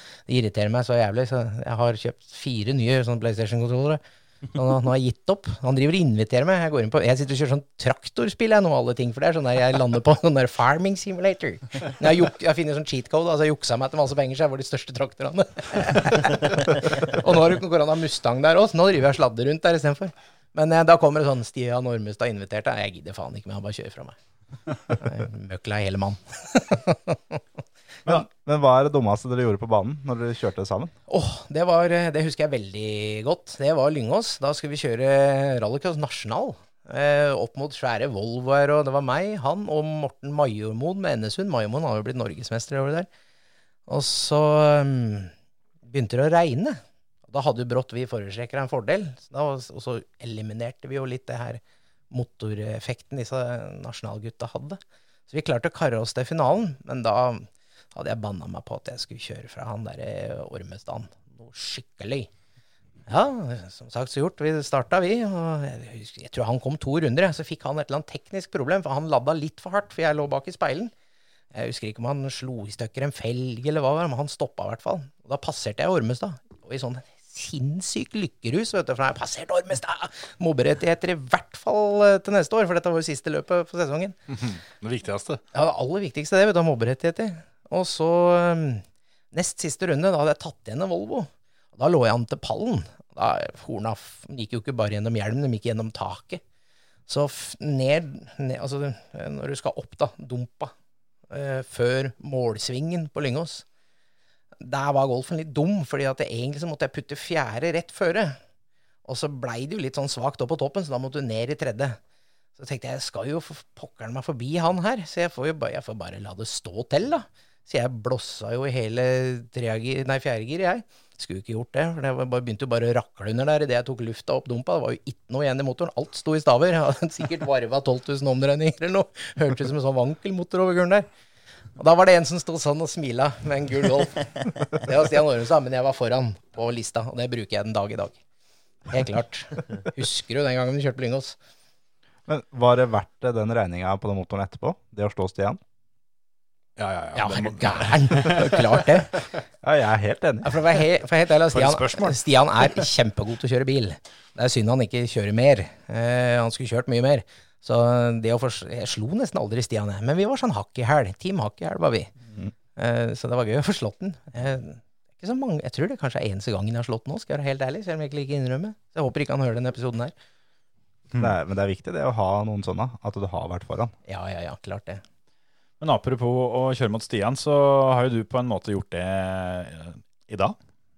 Ja, For det du må vi snakke om det òg? Ja, vi må nesten en liten tur innom der òg. For det dirt, eh, dirt-konkurransen vår, den, eh, den har vi jo gående fortsatt. Og Stian hadde jo bestetid der kjempelenge. Nå har han jo dette ned noen hakk. Men nå fikk ikke jeg sett hele turen din. Jeg skjønte det gikk ganske fort, så jeg er litt spent på å høre åssen dette gikk. Åssen syns du sjøl det gikk? Nei, jeg, jeg skjønner Jeg hadde jo lytta litt, eller jeg har hørt hele podkastserien deres, så jeg visste jo sånn noenlunde hvilken Eller jeg visste hvilken bane det var, så jeg tenkte jeg skulle prøve dette hjemme i går.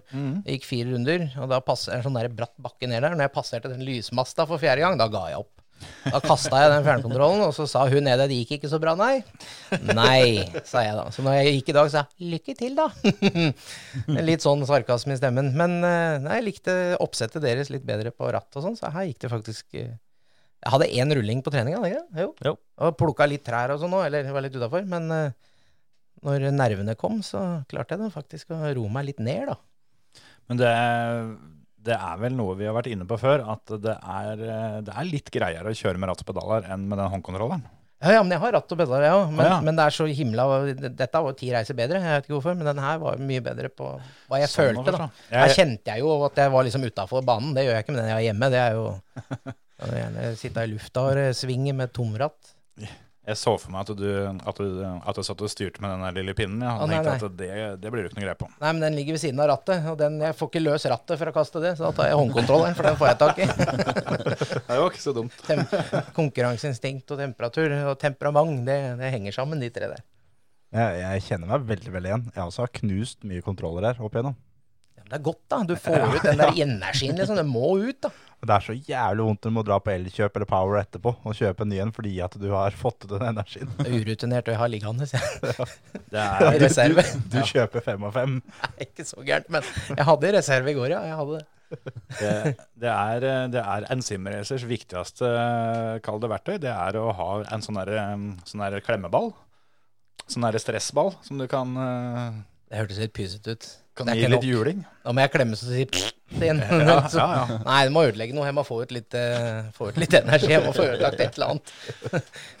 Men åssen gikk dette her, Emil? Nei, det gikk jo ganske bra. Det er eh, fortsatt Jarl Teien som har eh, førsteplassen på 3.12,936. Og noen plasser lenger bak. Eh, på fjerdeplass har vi Stian, Stian Ormestad på 3.13,797. Og du, Thomas, klokka inn på plassen bak på 3.14,047. Fy faen, er Ormestad igjen, ass. Hakk i hæl, var det det du sa? Ja, Team Hakkehæl. Jeg var raskere på siste trening. Det var ikke godt nok til å slå den der heller. Fader, altså. Snaue to tiender bak. Det er det jeg sier. Jeg gidder ikke å spille PlayStation med han der noe mer. Men du er foran ganske mye bra navn. og Du er foran Tommy Østgaard. Han lever av de greiene her. ja da, Tommy han kjørte Formel Basic, og han. Mm. Mhm. God sjåfør. Ja, han lever av det. Han er jo kjempegod.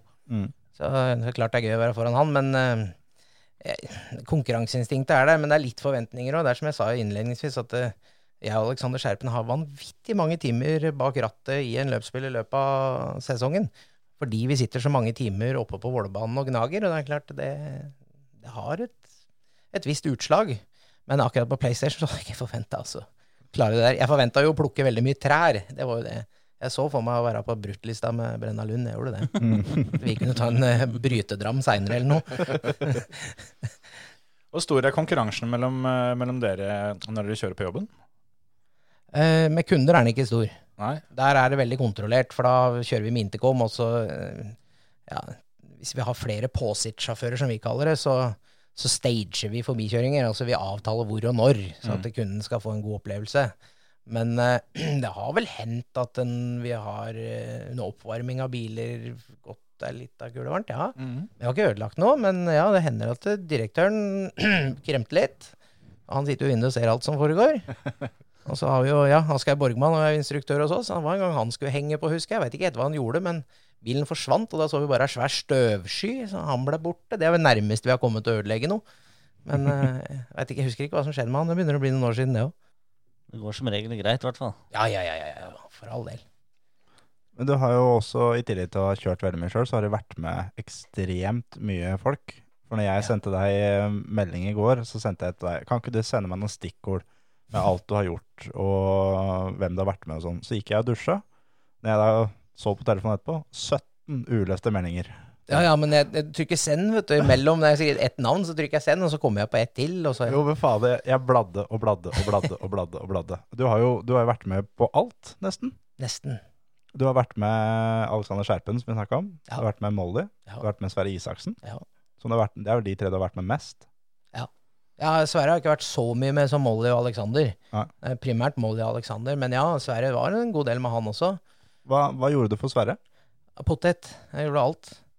Det var Jeg husker ikke hvilket år det var, men eh, det var en tur vi hadde. Vi begynte da, da skulle vi til Polen og til Tyskland og kjøre. Eh, og da var jeg egentlig med og gjorde alt mulig rart og hjalp til. Og så blei jeg veldig god kompis med han Morten Flått, som var sjefsmekanikeren. Eh, og så blei det vel bare til at jeg hang med der, egentlig. Og men jeg var veldig mye på de tinga som ikke var EM òg. Sånn, Sverre var jo sponsa av gatebil.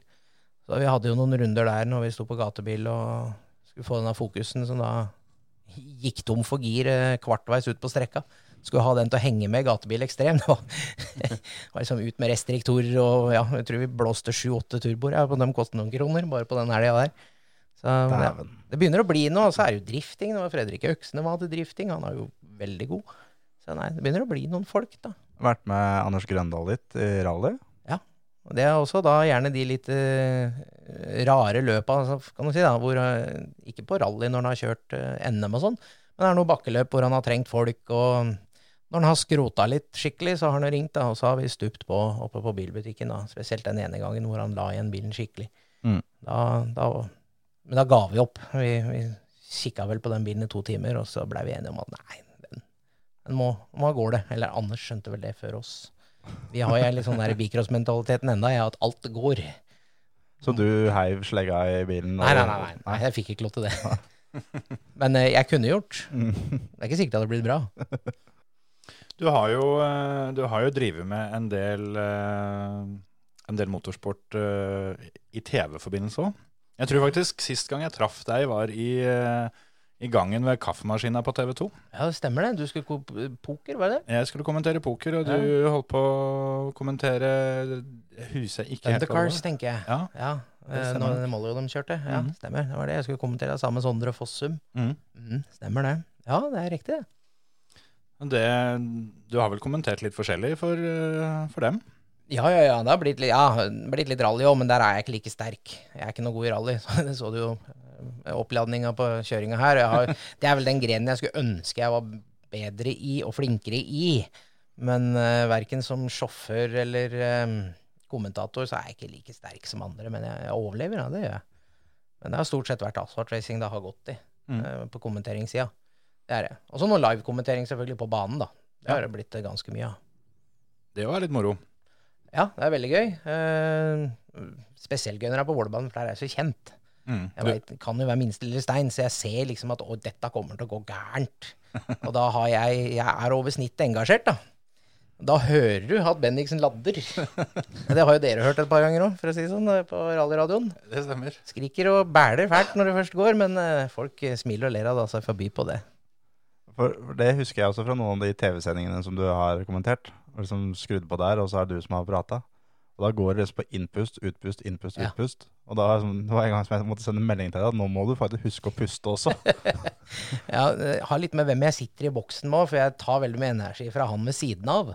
Og jeg elsker å kommentere med Sondre Fossum, han som nå styrer rallysendingene som har vært på VG. Han er fantastisk å kommentere med, for han girer seg opp, og det er så lett. Og da, du, du kjenner på en sånn barriere når du sitter og kommenterer at ja, dette er litt flaut, og dra han helt ut. Men når han begynner, vet du, så henger du deg på. Så på Rudskogen, da hadde Sebastian Aarvik hadde noe vanvittig kjøring. Da sto jeg oppi den der eh, kontorstolen, så den knakk. Det var heldigvis ingen som fikk med seg på, på TV-en, da. Men jeg måtte sitte på bruskasse resten av kommenteringa. Det var jeg som kom i studio etter dere, forresten. Ja, ja, ja. Dette var på Rudskogen. Det var på Rudskogen, Ah, okay, on, on okay. site. Men det er en, den har jeg tatt vare på, det klippet. For danskene brukte det som eksempel på hvordan de ville at de danske kommentatorene skulle være. Det var meg og Sondre, og så var det håndballkommentatorene våre da, fra Ja, ja. Norge. Det var det de ville at sånn skulle danske kommentatorer være. Så det, det var litt, da var vi stolte. Da var vi ordentlig kry. Det er en fin, eh, fin sammenligning å få når det gjelder engasjement, det. Ja, helt klart. eh, Harald Bredli og Bent Svele. Ja, helt klart. Men samtidig så er det litt sånn nå, nå må dere roe dere ned et par hakk, gutter. nå, nå tar jeg litt. Så har du vel vært, eh, du har vel vært litt involvert i bl.a. blant annet Sebra Grand Prix òg, som eh, at det har vært litt bilkjøring på, på TV-en? Ja, det var sesong to, det. Så var det en som heter Frode Skaar, kjenner dere sikkert. Ringte og lurte på om ikke BBH-teamet, da, for da hadde vi BBH Racing Team, om ikke vi kunne stille med to biler på, på Kongsberg. Og da skulle det spilles inn. Så det gjorde vi, og ja, det gikk jo veldig bra for vår del. Vi hadde bra biler. Gutta, Raymond er veldig flink til å bygge bil, så bilene våre holdt, og de gjorde det bra. Um, og så blei jeg litt kjent med han eh, produsenten, en som heter Kim Mellan Årerød. Um, og vi blei gode kompiser, og så til neste sesong så lurte han på om ikke jeg kunne gå inn som litt sånn assistent eh, til han. Og da bytta vi til Lyngås. Eh, fikk litt bedre økonomi, det er nærmere Oslo. Og, så videre, og så fikk vi inn litt sponsor. og Da gjorde vi det vi gjorde om, så vi fikk lov til å ha arenareklame. da. Sånn at uh, vi kunne selge Før skulle vi selge reklame på bilene, men nå kunne vi sette opp poster og sånn. På banen, ja. ja. på banen. Uh, og banner og alt mulig rart. Så da blei det en helt annen økonomi i det. Men det, for helsa så var ikke den innspillinga der noe særlig bra. Men jeg hadde på en måte headset på det ene øret. Det var da alle mekanikere. Så måtte jeg be de være stille når det skulle være opptak. Og så måtte jeg ha kamerafolka på det andre øret for å høre hva produsenten sa. Og så måtte jeg si til de at nå, nå bråker de andre, så nå må dere vente med å spille inn. Så du, du fløy sånn 13-14 timers dager da, uten å spise og drikke. Og når jeg da kom inn i kiosken eller i spisesalen der da, og skulle spise, så var det bare vafler igjen. Så jeg levde jo på Red Bull og vafler. Så jeg gikk jo skikkelig på trynet når dette var ferdig. Da var det jo sjukehus og full pupp, liksom. Men vi fikk en bra sesong, da. Og så fikk vi dratt inn mye motorsportfolk, var det jeg ville. Jeg ville, liksom ha, jeg ville ha med Grøndal, ville jeg ha med Hundspett. Jeg prøv- prøvde å få med alle, jeg. Uh, og få vist dem fram, for det var en gyllen mulighet. Så et Sebra Grand Prix, det blei kult, det. Det blei det, faktisk. Og den sesongen der på Lyngås, den var ekstremt bra. Ja. Det, var, eh, det skjedde mye rart der, altså. Jeg hadde håpa på litt mer rulling her og sånn, selv om vi måtte skru bil. Så håpa jeg på litt mer rulling her og litt sånn, men eh, nei, det, det, det var gøy. Og det var mye gærne folk òg, vet du. Jeg husker Tommy Sharif, han skulle bestikke oss alle for å få den beste bilen. Og Svein Østvik, da, eller Charter-Svein, han hadde jo ikke førerkort engang, for han hadde blitt tatt for å kjøre i fylla. Så når vi da var ferdig med innspillinga, så kom det Du, Thomas, eh, han Svein har jo ikke førerkort. Nei, ok. Ja, kan du kjøre han hjem? Uh, ja. Hva jeg ville gjøre, da? Så måtte jeg kjøre han hjem til Hurum, da. Så var liksom, gjorde alt på det der innspillingsgreiene der. Og da kjørte vi til slutt opp servicebussen til Nomako, da, eller Hundspetonen, for den sto hos oss. Så da bodde jeg på Lyngås i de 14 dagene vi spilte, da bodde jeg i traileren. Fant ut at det var like greit. Den sesongen husker jeg faktisk. Og jeg kan, jeg kan for så vidt se for meg at det var litt enklere å selge Lyngåsbanen enn Basseråsen. Altså Ja. ikke noe negativt mot Basseråsen, oh, men uh, det er litt flere som har, som har hørt om uh, Hørt Amling og Spann. Ja, I hvert fall når du skal inn til sponsor og sånn, mm. så er det jo klart lettere. Men uh, sånn sett i ettertid, så Basseråsen ga jo veldig mye mer action. Mer mm. takinger og Ja. Borgermoen som ble så sinna når han mista hjulet i finalen. Han, han slo i taket på den 940-en. Og det er finger, altså Hvis du finner den bilen i dag, den går i Bikros ennå, er garantert at den har knokemerker etter han ennå. Når den mannen dro i. Det hørte vi. Og da, har- jeg husker ikke hvem som satt på, men det var ei eldre dame som satt på. Hun var så redd, hun. Aske- Asgeir var så sinna. Han hadde jo vunnet alt opp til da, og så knakk en hjulboltene. En halv runde igjen. Nei, stakkar. Det skal være litt show. Ja, det skal være det. Men Sebra Grand Prix var bra, det. For bikross. Vi fikk liksom vist bikross på, på TV 2. Mm.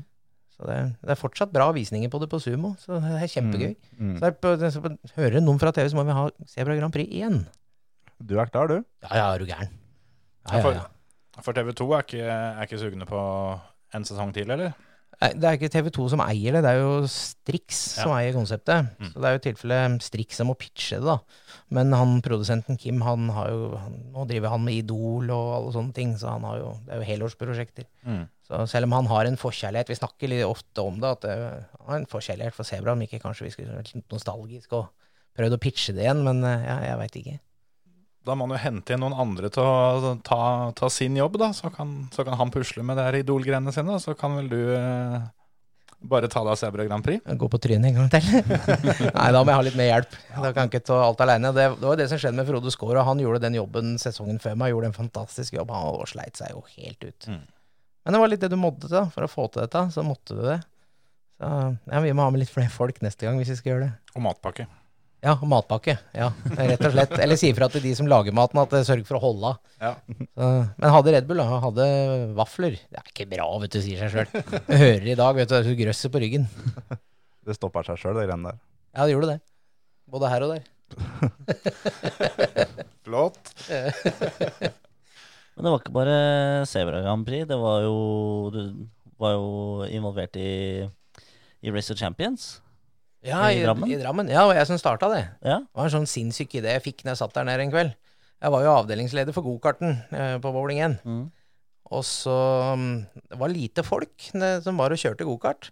Så da satt jeg og så på Racer Champions, altså det originalen. Mm. Så tenkte jeg faen, dette hadde vært kult å ha til Norge. Så tenkte jeg, Men det må, måtte være litt annerledes. For vi, vi kan jo ikke ta hensyn til om du kjører to firehjul eller båt. Eller, altså det må være liksom de beste av de beste i Norge. da. Og da mente jeg de beste fra bilcross og gokart og liksom alt oppover. Og så tenkte jeg det har vært kult å gjort her. Den kan vi sikkert få på TV òg, tenkte jeg. Mm. Og så gikk jeg til daglig leder, han hadde ikke helt trua. Og så sa han ja, du får prøve å sette i gang, da, og så ser vi åssen det går. Og så trekker vi pluggen hvis det ikke går. Så da var det å begynne å ringe til alle han kjente. da. Så, så hadde jeg jo ganske bra med sjåfører, egentlig. Da hadde vi liksom ikke begynt å ringe noe sånn voldsomt rundt. Og så tok jeg kontakt med Henning Isdal. Så sa jeg du, dette må vi få på TV. Dette kan bli et kult program. vet du. Slippe 40 gærninger løs inn på denne lille hallen her. Så han og Tor Mostu tente jo helt på ideen og kom ned og hjalp oss med å planlegge, for dem kan jo TV-greia, ikke sant. Og da blei det jo til at vi satt på telefonen da, og ringte rundt eh, ja, Gud og hvermannsen som driver motorsport i Norge, som vi kjente navnet til, og vi fikk masse innspill. Og så tenkte vi nei, publikum må få lov til å være med òg. Vi kan ikke bare ha motorsportutøvere. Vi må jo involvere folk her. Så da lagde vi innledende runder for vanlig mann i gata, hvor de kunne være med og kjøre. Da hadde vi tre gokartsentre i Bowling 1-kjeden. Vi hadde Grimstad, Drammen og Trondheim. Og da kjørte vi innledende runder og finaler der. Og vet ikke om noen husker hun Anna Rate, som kjørte eh, gatebil og, og racing. Hun var jo en av de som virkelig kom langt i Racer Champions. Hun la igjen så mye treningstimer nede i Drammen og gikk videre. Så da var det tre stykker da, av privatpersoner som fikk lov til å kjøre med de store gutta. Og jentene. Og det hadde vi da på, på TV-en. Så det hadde vi i fem, fem sesonger, vel. Mm. Mm. Og så ble gokarten der lagt ned. Og da ja, Henning Isdal tok det vel videre. og kalte det Racer Champions, det som var oppe på, på før eh, gallamiddagen. Og bilsortutdelinga til forbundet. Mm. Men det kule er, det brevet har jeg hjemme enda. For vi var jo litt, sånn som Bowling 1-konsernet var litt redd da vi skulle bruke navnet Racer Champions. Vi sendte jo mail til Racer Champions og spurte om er dette her greit. Og da fikk vi skriftlig tilbake. ja, Så lenge dere har Bowling 1 først, så skal dere få lov til å bruke navnet vårt. Det syns jeg er litt kult. Vi fortsatt har det i brevet. Det var litt eh, tøft, da. Få, få liksom godkjenning til det. Det var gøy. Hvem var det første du ringte til? Jonny Sandmo. Ja, altså. Og han var også med å hjelpe meg med å arrangere. Uh, Jonny kjenner jo alt og alle. Og Jonny var jo et av, et av mine største forbilder når jeg kjørte golf. Altså, det fins jo ikke noen råere forhjulstrekkersjåfør i Norge. Så jeg har lært fryktelig mye av han opp gjennom åra, så det var liksom naturlig for meg å ringe Jonny. Det var, eh, ja, det var han det gikk i da. Så det, han stilte opp og var med og lagde det, og ja, vi hadde det jævla gøy. Knuste noen doer nede på bowling 1 og sto i, låste meg inne på do og skulle sparke meg ut derfra, men jeg knuste doskåla istedenfor. Det er ikke bra, vet du. Ja, det Det skjer jo hele tida, det. Ja, kunne, jeg, helt- kunne jeg for så vidt sagt. Men helt normalt. jeg vet ikke. Helt normalt. Vanlig fredag. Vanlig fredag. Ja, helt vanlig. Ja, men det skjedde jo så mye gærent nede på den bowlinghallen. Når vi kjeda oss på, på kvelden her, når vi lag, skulle lage Racer Champions, så fant vi ut åssen det er å vanne banen. Og, det, og dette er jo en innendørshall, ikke sant? Fram med brannslangen. Fylte jo på med vann. Og jeg vet ikke hvor mange kilo med gummistøv det lå, mange hundre kilo med gummistøv ute på vannet der. Og slikshjul, da. Harde slikshjul fra en innendørs gokart. Fy faen, det gikk så mye ribbein at du aner ikke. Ribbein og håndledd. Og så fant vi ut at ja, men dette er jo ikke bra, for det kommer jo kunder i morgen. Ja, hva gjør vi da? Nei, vi får bare kjøre til det er tørka, da. Så da kjørte vi jo til det tørka, og alle satt jo med doble ribbeinsbeskyttere. så Alle hadde slått seg halvt i hjel. Men da fant vi ut at det ble vanvittig godt feste dagen etterpå, for da ble det satt banerekorder. Ja. Så da ble dette en sånn vane det til slutt. Vanner vi banen, da. Og så etter stengetid, og så kjører vi, kjører vi vekk vannet, for da får vi vaska banen. Så det var en av de kreative tinga. Helt en av gutta skulle være litt mer kreativ, en som jobba der. Jeg så det på sikkerhetskameraene dagen etter. Han fant ut at han skulle ta litt av gokartbensina, så jeg heller på å tenne på for å se om det ble mer seigt i asfalten.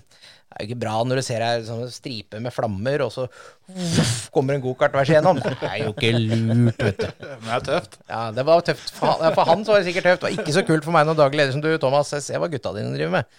Så måtte jeg liksom inn på kontoret og stå i rett og forklare hvorfor ikke jeg hadde helt med kontroll på den. Innerst inne syntes jeg det var jævlig tøft å se på. Ja, for Men jeg kunne jo ikke si det. Du tenkte jo at dette her skulle vi hatt med på TV-en. Ja, rett og slett. Ja, rett og slett. For det var ganske kult å se på. Det var det, altså. Det var litt sånn Flåklypa-stil over det. Eh, når du var med Alexander Skjerpen, mm. så har jeg hørt eh, noe om et dekkskift på spa. Oh. Kan ikke du fortelle om det? Jo, da kjørte vi Ginetta G50.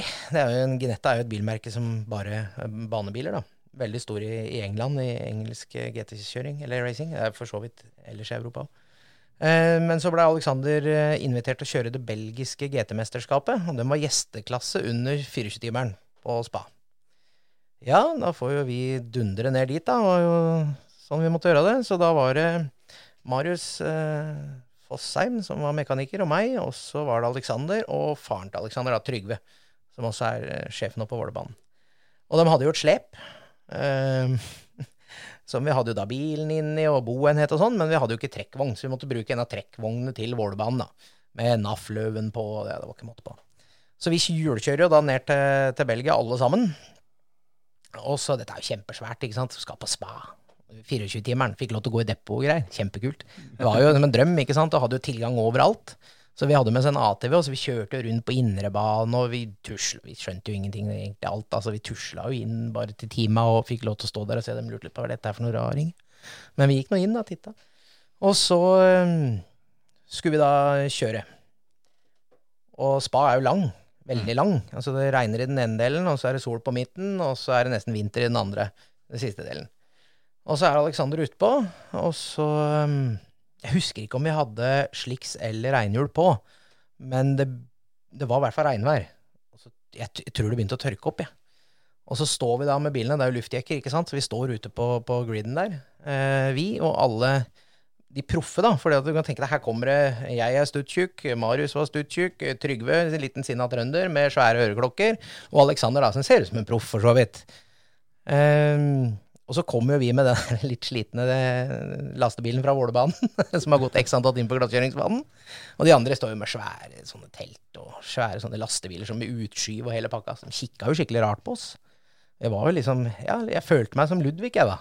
Jeg tenkte at jeg og Morten, nei, jeg og Marius er jo Ludvig 1 og 2. Det var sikkert sånn de så på oss òg. For dem gikk jo i flotte skjorter, og vi gikk i slitne collegegensere med sveisehull i og ja. Men så, så er det mye snakk på radioen med Alex. Skal vi bytte hjul, eller skal vi ikke? Og Alex han er sånn ja, Overrask meg den dag i dag. Hvis han sier at det er en vibrasjon i venstre bakhjul, så er det vibrasjon i venstre bakhjul. Så han eh, Ja, vi bytter hjul. Og da har vi inboard-kamera i, i bilen til Alex. Vi har fire, jeg tror det er fire kamera, eller er det to? to tre, ja, fire blir det. Så vi har jo, den filmen har vi ennå. Vi ser jo alt som foregår hos de andre også. Og idet vi bestemmer oss for å bytte hjul, så bestemmer disse proffene seg for å bytte hjul òg. Men jeg og Marius vi er jo, vi er jo konkurransemennesker, så vi har jo trena noe jæklig på å bytte hjul. Dette er vi faktisk gode på, og vi har jo til og med sittet og filt med fil på, på hjulmuttera, sånn at det er lettere å få på, for det er jo fembolt, ikke sant? Så det skal være lett å få på pipa. Og på den videoen det er som å se et ordentlig proffteam. Altså. Bilen går opp, vi skrur på gassen, pff, så hører du rundt hele bilen. Og så var vi nede før de andre hadde fått av hjula på de andre bilene. Og når vi da fikk applaus fra tribunen for de som satt og venta på 24-timeren, da, da følte jeg meg ikke som Ludvig lenger. Altså, da var jeg Solan langt oppe i skyene. Og når vi da kom inn, eh, så sitter jo disse kaxy gutta fra Ferrari og sånn, ikke sant. De sitter jo på stolene i pit-garasjen, da. Med rurrockhjelmen på og er helt sheriff og ser på oss. Når de kom bort og klappa oss på skuldra, da var det ikke fritt for at det kom ei lita tåre hos meg. Altså, det turte jeg ikke å si til de andre, men det var, det var gromt. Jeg tror det er en av de grommeste motorsportopplevelsene jeg har hatt. Å knuse liksom disse her skikkelig underdogs, og så knuse dem på dekkskift. Ja, det skjønner jeg. Jeg får faktisk gåsehud bare å høre om det. Ja, det var skikkelig kult. Og så har vi jo vært relativt mye ute og, og kjørt da, med Alexander etterpå. Og Trygve, da, hver gang vi skal ut og fly. Han sitter alltid, han og jeg mot midtgangen, stort sett. Eh, nå driver jeg og kikker bort på iPaden hans. Det som går på repeat på den iPad-skjermen hans, det er det derre hjulskiftet. Jeg ser han sitter humrer og koser seg og ler av dette. Jeg, Gud, hvor mange timer han har sett av det der hjulskiftet der. Men det, det var rått. Det var der, eh, der eh, de der som lagde Cars-filmen, eh, fikk, fikk den tanken til det pitstoppet. Ja, og så tror jeg også de fikk eh, litt tanken på han tauebil. jeg, tror, jeg tror det vi vel som modeller for den. Så det skjedde jo med på det løpet. Vi ødela jo en Mini der når vi skulle dra hjem. For det, det kan jeg aldri si høyt, det er egentlig lovt ikke så høyt, men jeg skal gjøre det for det. Eh, vi skulle jo dra derfra. så må du jo komme deg gjennom eh, Tyskland, da, for du får ikke lov til å kjøre lastebil der etter et visst klokkeslett. Så hadde litt dårlig tid, men det er klart med det der slepet vi hadde, og en litt sånn dårlig trekker fra Ålebanen, da, så var ikke svingradiosen det aller beste. Og så var det en Mini som sto litt sånn kaklete til, så vi kom ikke ut fra parkeringsplassen. Og det gjorde ikke han bak heller. Han begynte å bli ordentlig hissig. Og så var det noen sånn parkeringsvakter og faktisk en politimann på politimotorsykkel som prøvde å få tak i eieren, da. Men hvor lett er det, da, når 24-timeren på spa dundrer og går, og så står det fire nordmenn som gjerne vil hjem til Norge? Ingen som bryr seg om det, vet du. Så vi fant ut at vi løfter vekk den Minien, vi. Det var, ikke, det var ikke en gammel Mini, det var en ny Mini. Countryman. Ja, ja, men han skulle bli med, han som var bak. da, Han var nederlender, tror jeg. Og svær kar. vet du, Kjørte lastebil. Og skulle være med å flytte denne her minien så vi kom ut. Og han politimannen bare I take no uh, charge, no responsibility. Var helt uh, Ja. og så tar Marius da Fossheim. Han han er fra Trysil, da. Eller nesten Trysil. Eh, han er litt sånn ordentlig gutt. Han er, ordentlig, han er sterk, også. Så han tar tak, og så røsker han til. Oi sann!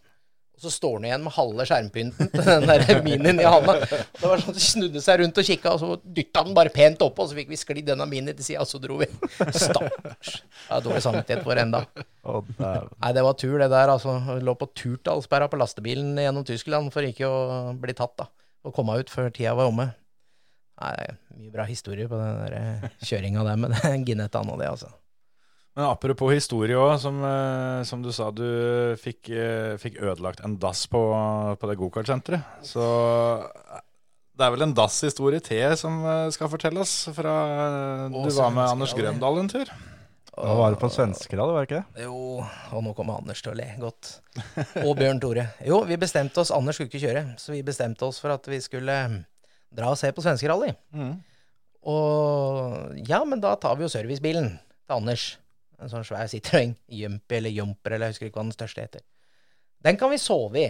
Kjempelurt. Det er jo ikke det, vet du. Beinkaldt, det tenkte jo ikke vi på. Men vi hadde soveposer, da. Sikkert sommersovepose for alt vi visste. Vi hadde jo ikke kanskje Det var motorsport vi drev med, ikke friluft. Og så fant vi ut at vi hadde jo ikke bobil, da, så vi hadde jo ikke noe toalett. Og da sier Bjørn Tore vi- må innom Ikea. Og der kjøper han da sånn plastkasse med sånn skråkant foran, vet du. Så kjøper han et dasslokk. Og så tar han og borer høl i den der kassa, og så stripser han fast da den dassringen. Fantastisk. Ja, kjempebra. Og vi dundrer over til Sverige, da, og så blir vi guida inn der vi skal, og skal vi parkere et sted. Da var det blitt natt, da. Vi hadde brukt så lang tid på å komme oss dit. Vi hadde jo handla ganske mye på Ikea.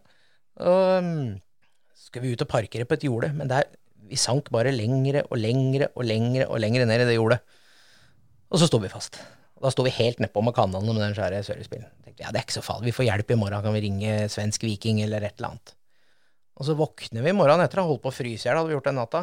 Da står vi jo da 75 meter fra gata hvor alle skal gå inn for å se på etappa. Og vi står da med en uniformert Subaru, jeg husker ikke om det står Norwegian Rally Team eller World Rally Team på det, eller Subaru Norwegian eller World, husker ikke. Det var relativt flaut, og der sto vi i varmedresser til Subaru og bilen sånn. Nei, fy så kom vi oss løs, og så parkerer vi der vi skulle stå. Og det er så kaldt på natt, andre natta.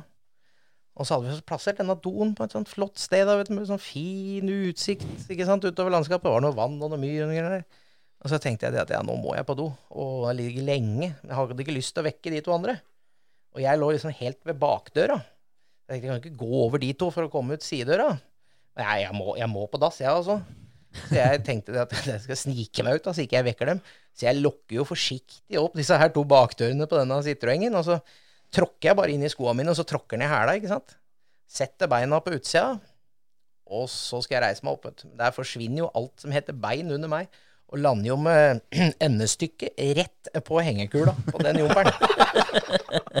og det Jeg var et lite øyeblikk, det var så vondt, jeg var øyeblikk et lite redd, litt redd for at den hadde kommet oppi, for å si det sånn.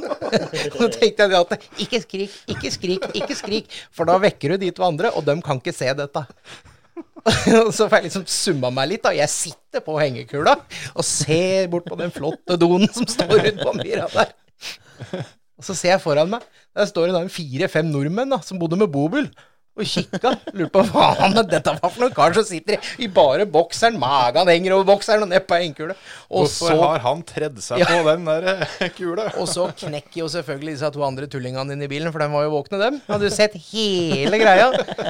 Så det er vel ikke fritt for at jeg blir mobba for den historia der, altså, men jeg blir voldtatt av hengefeste, det er ikke særlig hyggelig. Det kan jeg love deg. Spesielt ikke på svenskerealen når det er minus 30 grader, for det blir kaldt i ratatan.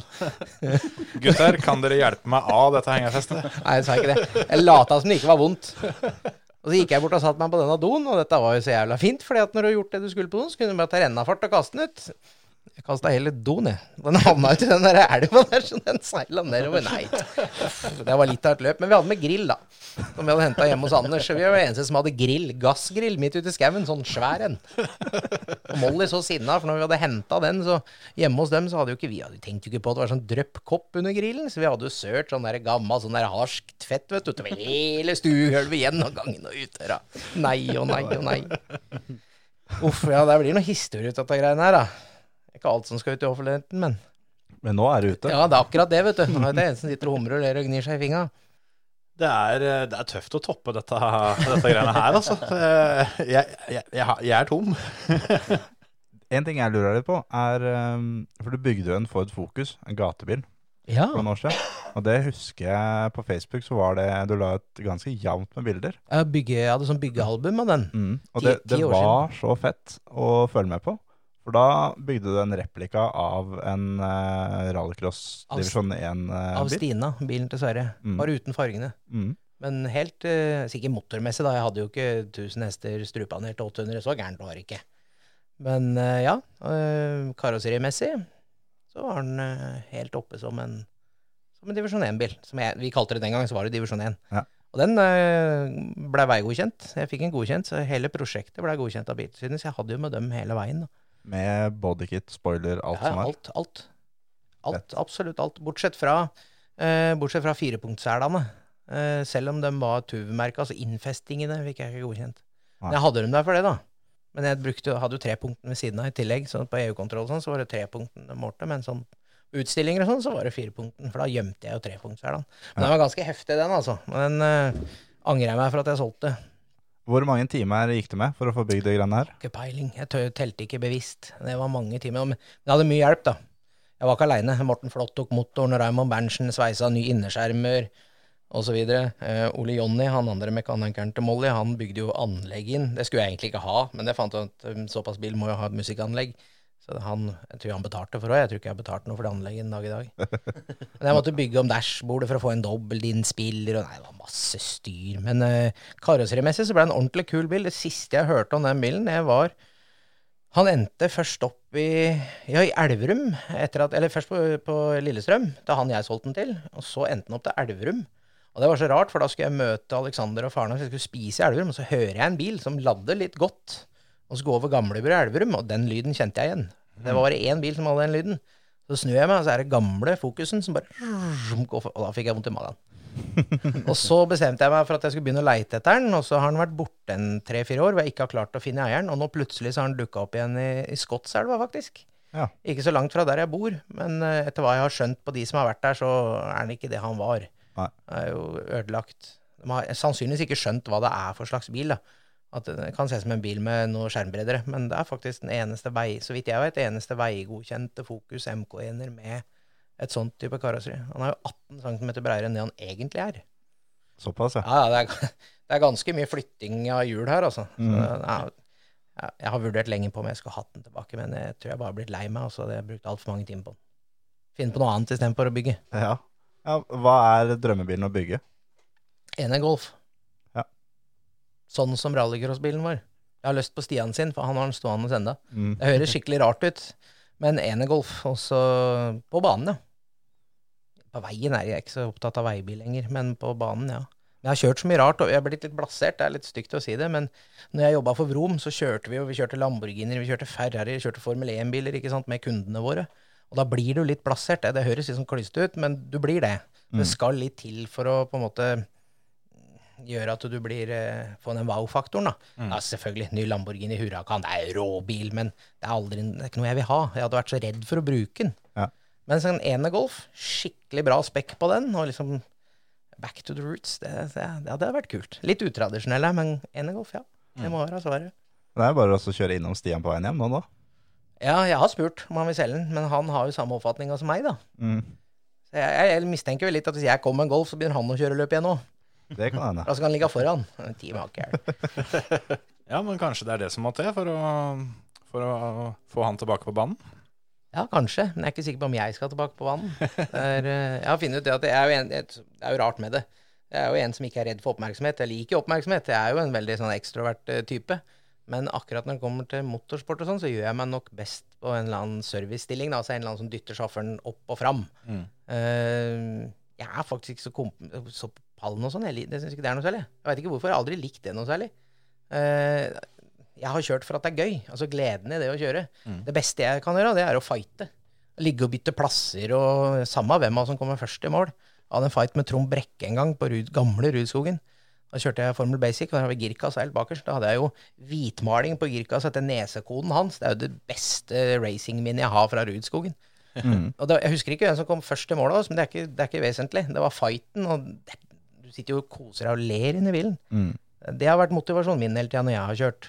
Men når jeg har med andre å gjøre, så skal vi vinne. Ja. Da kommer konkurranseinstinktet. Der skal vi prestere. Mm. Om vi så skal stå hele natta og skru, eller to netter og skru, eller tre døgn, eller hva det er, så vi får det til. Mm. Så jeg tror nok ikke Det er ikke sikkert jeg skal på banen mer. Jeg hadde et innhopp her for fem år siden med C30-en vi har på Ålebanen. Men da blei det det samme. Jeg, tror, jeg var vel det største teamet der, da. Vi kjørte GT4 eller GT5. Uh, GT4 bare.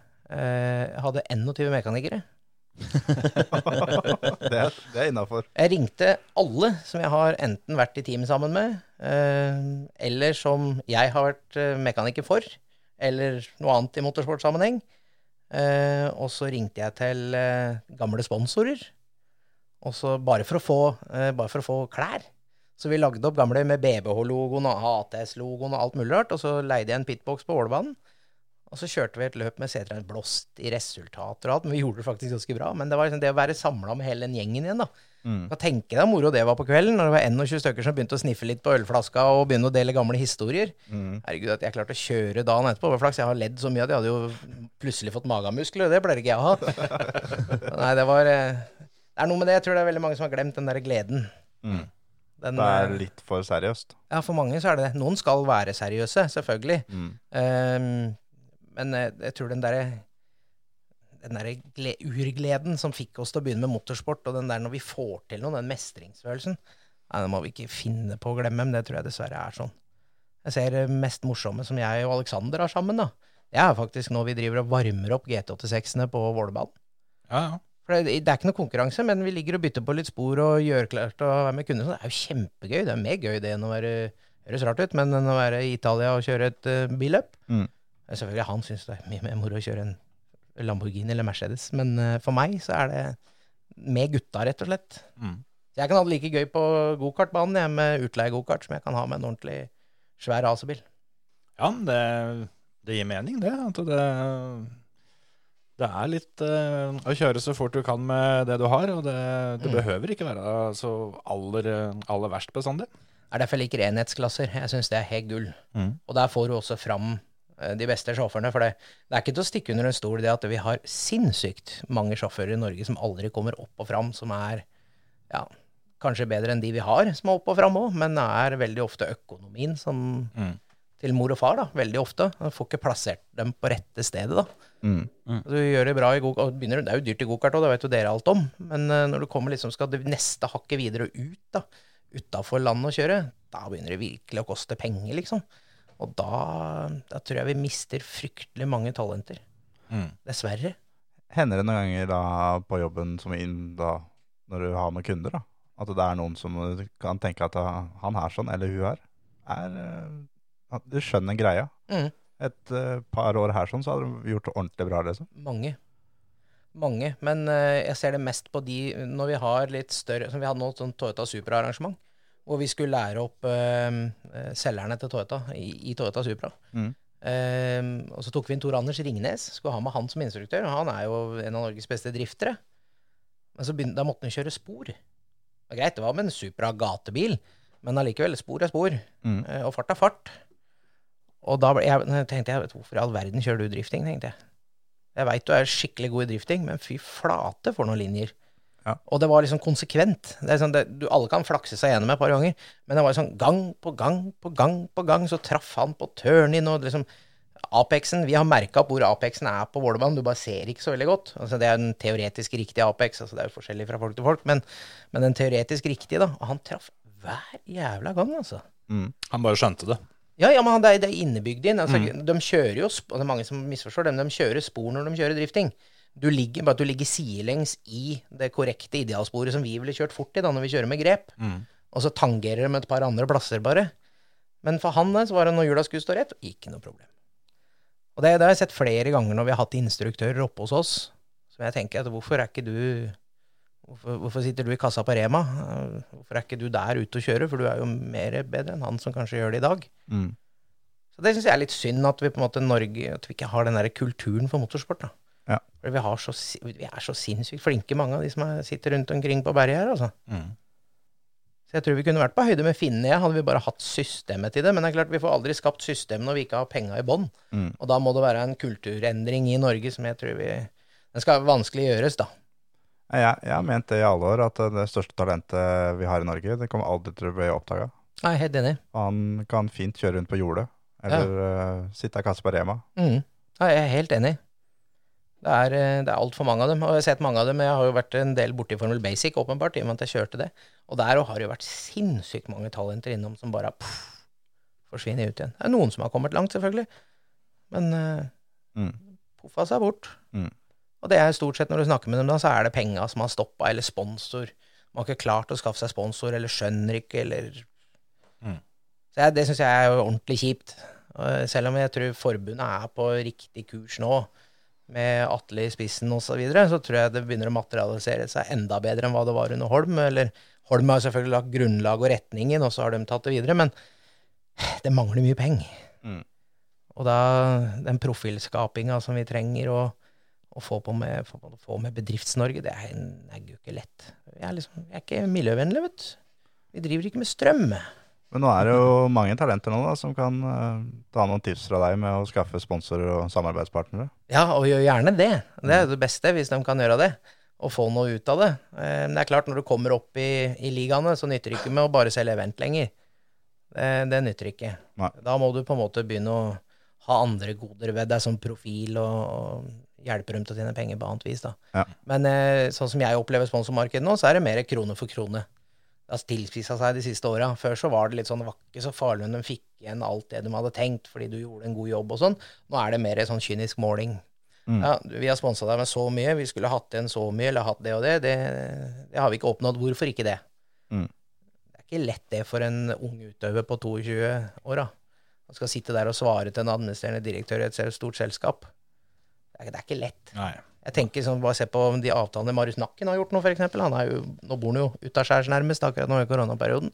Når jeg ser på de store folka han driver og får sponsa, tenker jeg ja, der skulle jeg øh, skulle jeg hatt litt killing i magen når jeg gikk i møte nå. Så jeg har all respekt når du får til det der, altså. Mm. Helt klart. Absolutt. Så jeg vet, det veit jeg faktisk ikke om forbundet, hva de gjør. Jeg har aldri spurt om, men jeg er litt nysgjerrig på hva de gjør for å på en måte ruste utøverne våre for det å skaffe seg sponsorer, for det er faktisk en så stor del av det. Mm. Vi er flinke på, på trening og på kosthold og alt dette, men jeg, jeg aner ikke åssen de er på sponsorjobbing. Nei. Det er noe man faktisk, eh, hvis man ikke har det, burde ta tak i. Mm. For der ligger nøkkelen til å få opp flere talenter, tror jeg. Uten tvil. Mm, og få gjerne med mekanikere og, og familie på samme kurset. For der sitter det Alle skal være involvert. Alle kjenner noen som kjenner noen som kjenner noen. Mm. Og til slutt så kan det bli penger ut av det. I min tid så var det i hvert fall eh, ikke det eneste ordet om det Nei, ikke sant? forbundet. Nei, ikke sant? Så det, Nei, jeg var, jeg var jo i, jeg var sånn der eh, distriktskontakt i talentutvikling en gang i tida. I forbundet. Og da var jeg jo på en del av de foredraga som vi hadde når vi var på, på NTNU og sånn. Men eh, ja, det var Marius Evik som snakka litt om oppsett, og så var det Atle som snakka en del om kommunikasjon ut til media, og ikke minst til sponsorer, sånn med pressemeldinger og sånn. Men akkurat den der jobben med å selge seg sjøl, Mm. med, med rent salg, prospekting for å finne hvordan skal du booke deg møter, altså det basic tinga, da, som er det å være en selger. For det er det du må være. Du er jo nødt til å være en selger. Det er jo veldig få som har et apparat rundt seg med en manager som gjør det. Da, skal du, da er du allerede der oppe, da. Og så er det jo litt sånn òg at uh, det er en jobb som veldig få uh, på en måte syns er noe gøy. Mm. Og, og hvis, du, hvis du får litt tips, da, sånn at, at, at du kanskje får litt bedre uttelling tidlig, så kan det hende at du, du gidder å bruke litt flere timer på det. For det, det er vel det som er tinget nå, at, at veldig mange gjør det feil. eh, og så blir de drittlei, og så, og så gidder de ikke det mer. Og, og, og det fører jo til at da, da stopper jo ting opp. Du må finne selvmotivasjon. Jeg var, gutta syntes jeg var skikkelig rar. For jeg var alltid sånn, jeg fikk et nei, så ble jeg glad. Du er rar, sier jeg. Nei, hvorfor det? Fordi jeg vet jo at når jeg har fått 17 nei, så gjennomsnittlig nå, så vil nummer 18 være ja. Så nå kan jeg bare fjerne en nei og fjerne en nei og fjerne en nei, og til slutt så sitter den. Hvis du klarer å finne en sånn motivasjon, da Altså, Hva er det som er så farlig med å gå inn og så selge seg, og så får du nei? Ja? Det er jo ikke noe farlig, det. Ja, ja, da har du fått nei, da. Mm. Det, det blir jo som jeg nå skal kjøre et billøp, ja, og så vant du ikke denne gangen, da. Men var, du lærte noe av det, kanskje? ikke sant? Det er jo det som er greia. Ta det som en, det er jo sånn jeg lærte salg. Mm. Jeg var kanskje litt dum og naiv tidligere, så jeg løp jo på. Men kanskje jeg skulle tenkt meg om litt, grann, så hadde jeg sikkert hatt noe bedre uttelling i begynnelsen, jeg òg. Men jeg lærte det jo. Ja. Ved å få nei, ved å gjøre feil. Mm. Det er som Jonny, Sand, Jonny Sandmo sa til meg en gang. Du vet det, Thomas, du bare tror du veit hvor grensa er, du vet, for du passerer den ikke, sant, meg. Etter det så begynte jeg å utlegge bil. Da måtte jeg passere grensa. Men det var noe med det. Fordi at jeg trodde hvor bremsepunktene mine var og alt det, men jeg kunne jo flytte dem ganske langt. jeg, For jeg hadde aldri passert grensa. Mm. Det var ganske safe. Jeg var redd for å få riper i lakken. men, men det er noe med det. Samme er det men når du skal skaffe deg sponsorer. Du må ikke være redd. Og så må du prøve å lære noe. Men du må være litt systematisk. Akkurat som vi er systematisk med oppsett, så må du liksom skrive ned hva du har gjort. Hvorfor tror du det gikk gærent? Og jeg syns til og med du kan være så frekk, ja, fordi at, når du, at du spør vedkommende du har prøvd å søke spons av. Du, jeg, jeg skjønner at du sa nei, det er greit, men hvordan kan jeg Har du noen tips, eller? Er det noe jeg gjorde gærent? Mm. Er det noe gærent med produktet? Er det noe gærent med meg, eller? Kan det hende at du klarer å snu den bare ved å gjøre det? For da tenker han at ja, dette er jo en sympatisk fyr. Mm. Ja, er det noen sant? som vil prøve å lære noe her? Er det du gir deg ikke helt med det første? Ja, det, det er viktig. Og det er ikke minst en utrolig viktig del for, for å komme noen vei. Så den jobben må på en måte legges ned. Og så må du ha humør. Ja. Ja, ja. Du må klare å få folk til å flire og le. Det er det som er hele clouet. Igjen den der motorsportgleden. Det er jo den du skal reflektere over bordet til han du selger til. Mm. Han skal jo nesten sitte og være med deg i svingene når du forteller, ikke sant? og nesten knekke kontorstolen. Da får du engasjement. Og får en engasjert sponsor, da kan alt skje. Mm. Så det er superviktig. Med de orda så tror jeg vi eh, rett og slett skal takke for besøket. Det har vært en eh, særs lærerik time for min del i hvert fall. Så håper jeg du eh, har hatt det fint her hos oss også. Jeg var glad for at vi kom her. Skjønte ikke noe når du ringte og sa jeg skulle være gjest her. Tenkte jeg jøss, har de slått seg? Nå er det lite folk å få tak i. Tenkte jeg du skal ha meg nedi her. Men, Men det var veldig hyggelig, ja. men akkurat den samtalen der, det var jo da eh, en samtale som kunne vart i to minutter. Den var to timer, den. Tre timer var den. Var den tre, ja? Ja. Og ble brutt en gang, da, eller? Ja. og, men det som er at en ting er at det er en lang telefonsamtale på tre timer. Det er greit. Når den telefonsavtalen telefonsamtalen begynner kvart på tolv på kvelden, så oh. vi holdt på hele natta. Nå var ikke, nå var ikke jeg aleine om det, da. Bare så det, så jeg skal ikke takke hele skylda, ja, altså. Nei, nei, nei. Det er klart, Nå hadde vi ikke snakka med hverandre så ofte den siste tida, så da blir det gjerne litt sånn. Ja, det gjør det. Det høres ut som at jeg bare må skjære av her. for Ja, du, tror, må- du er nødt til det, ellers så fortsetter vi til i morgen, vi. Takk for besøket, og ha det bra, folkens. Ha det. Ha det.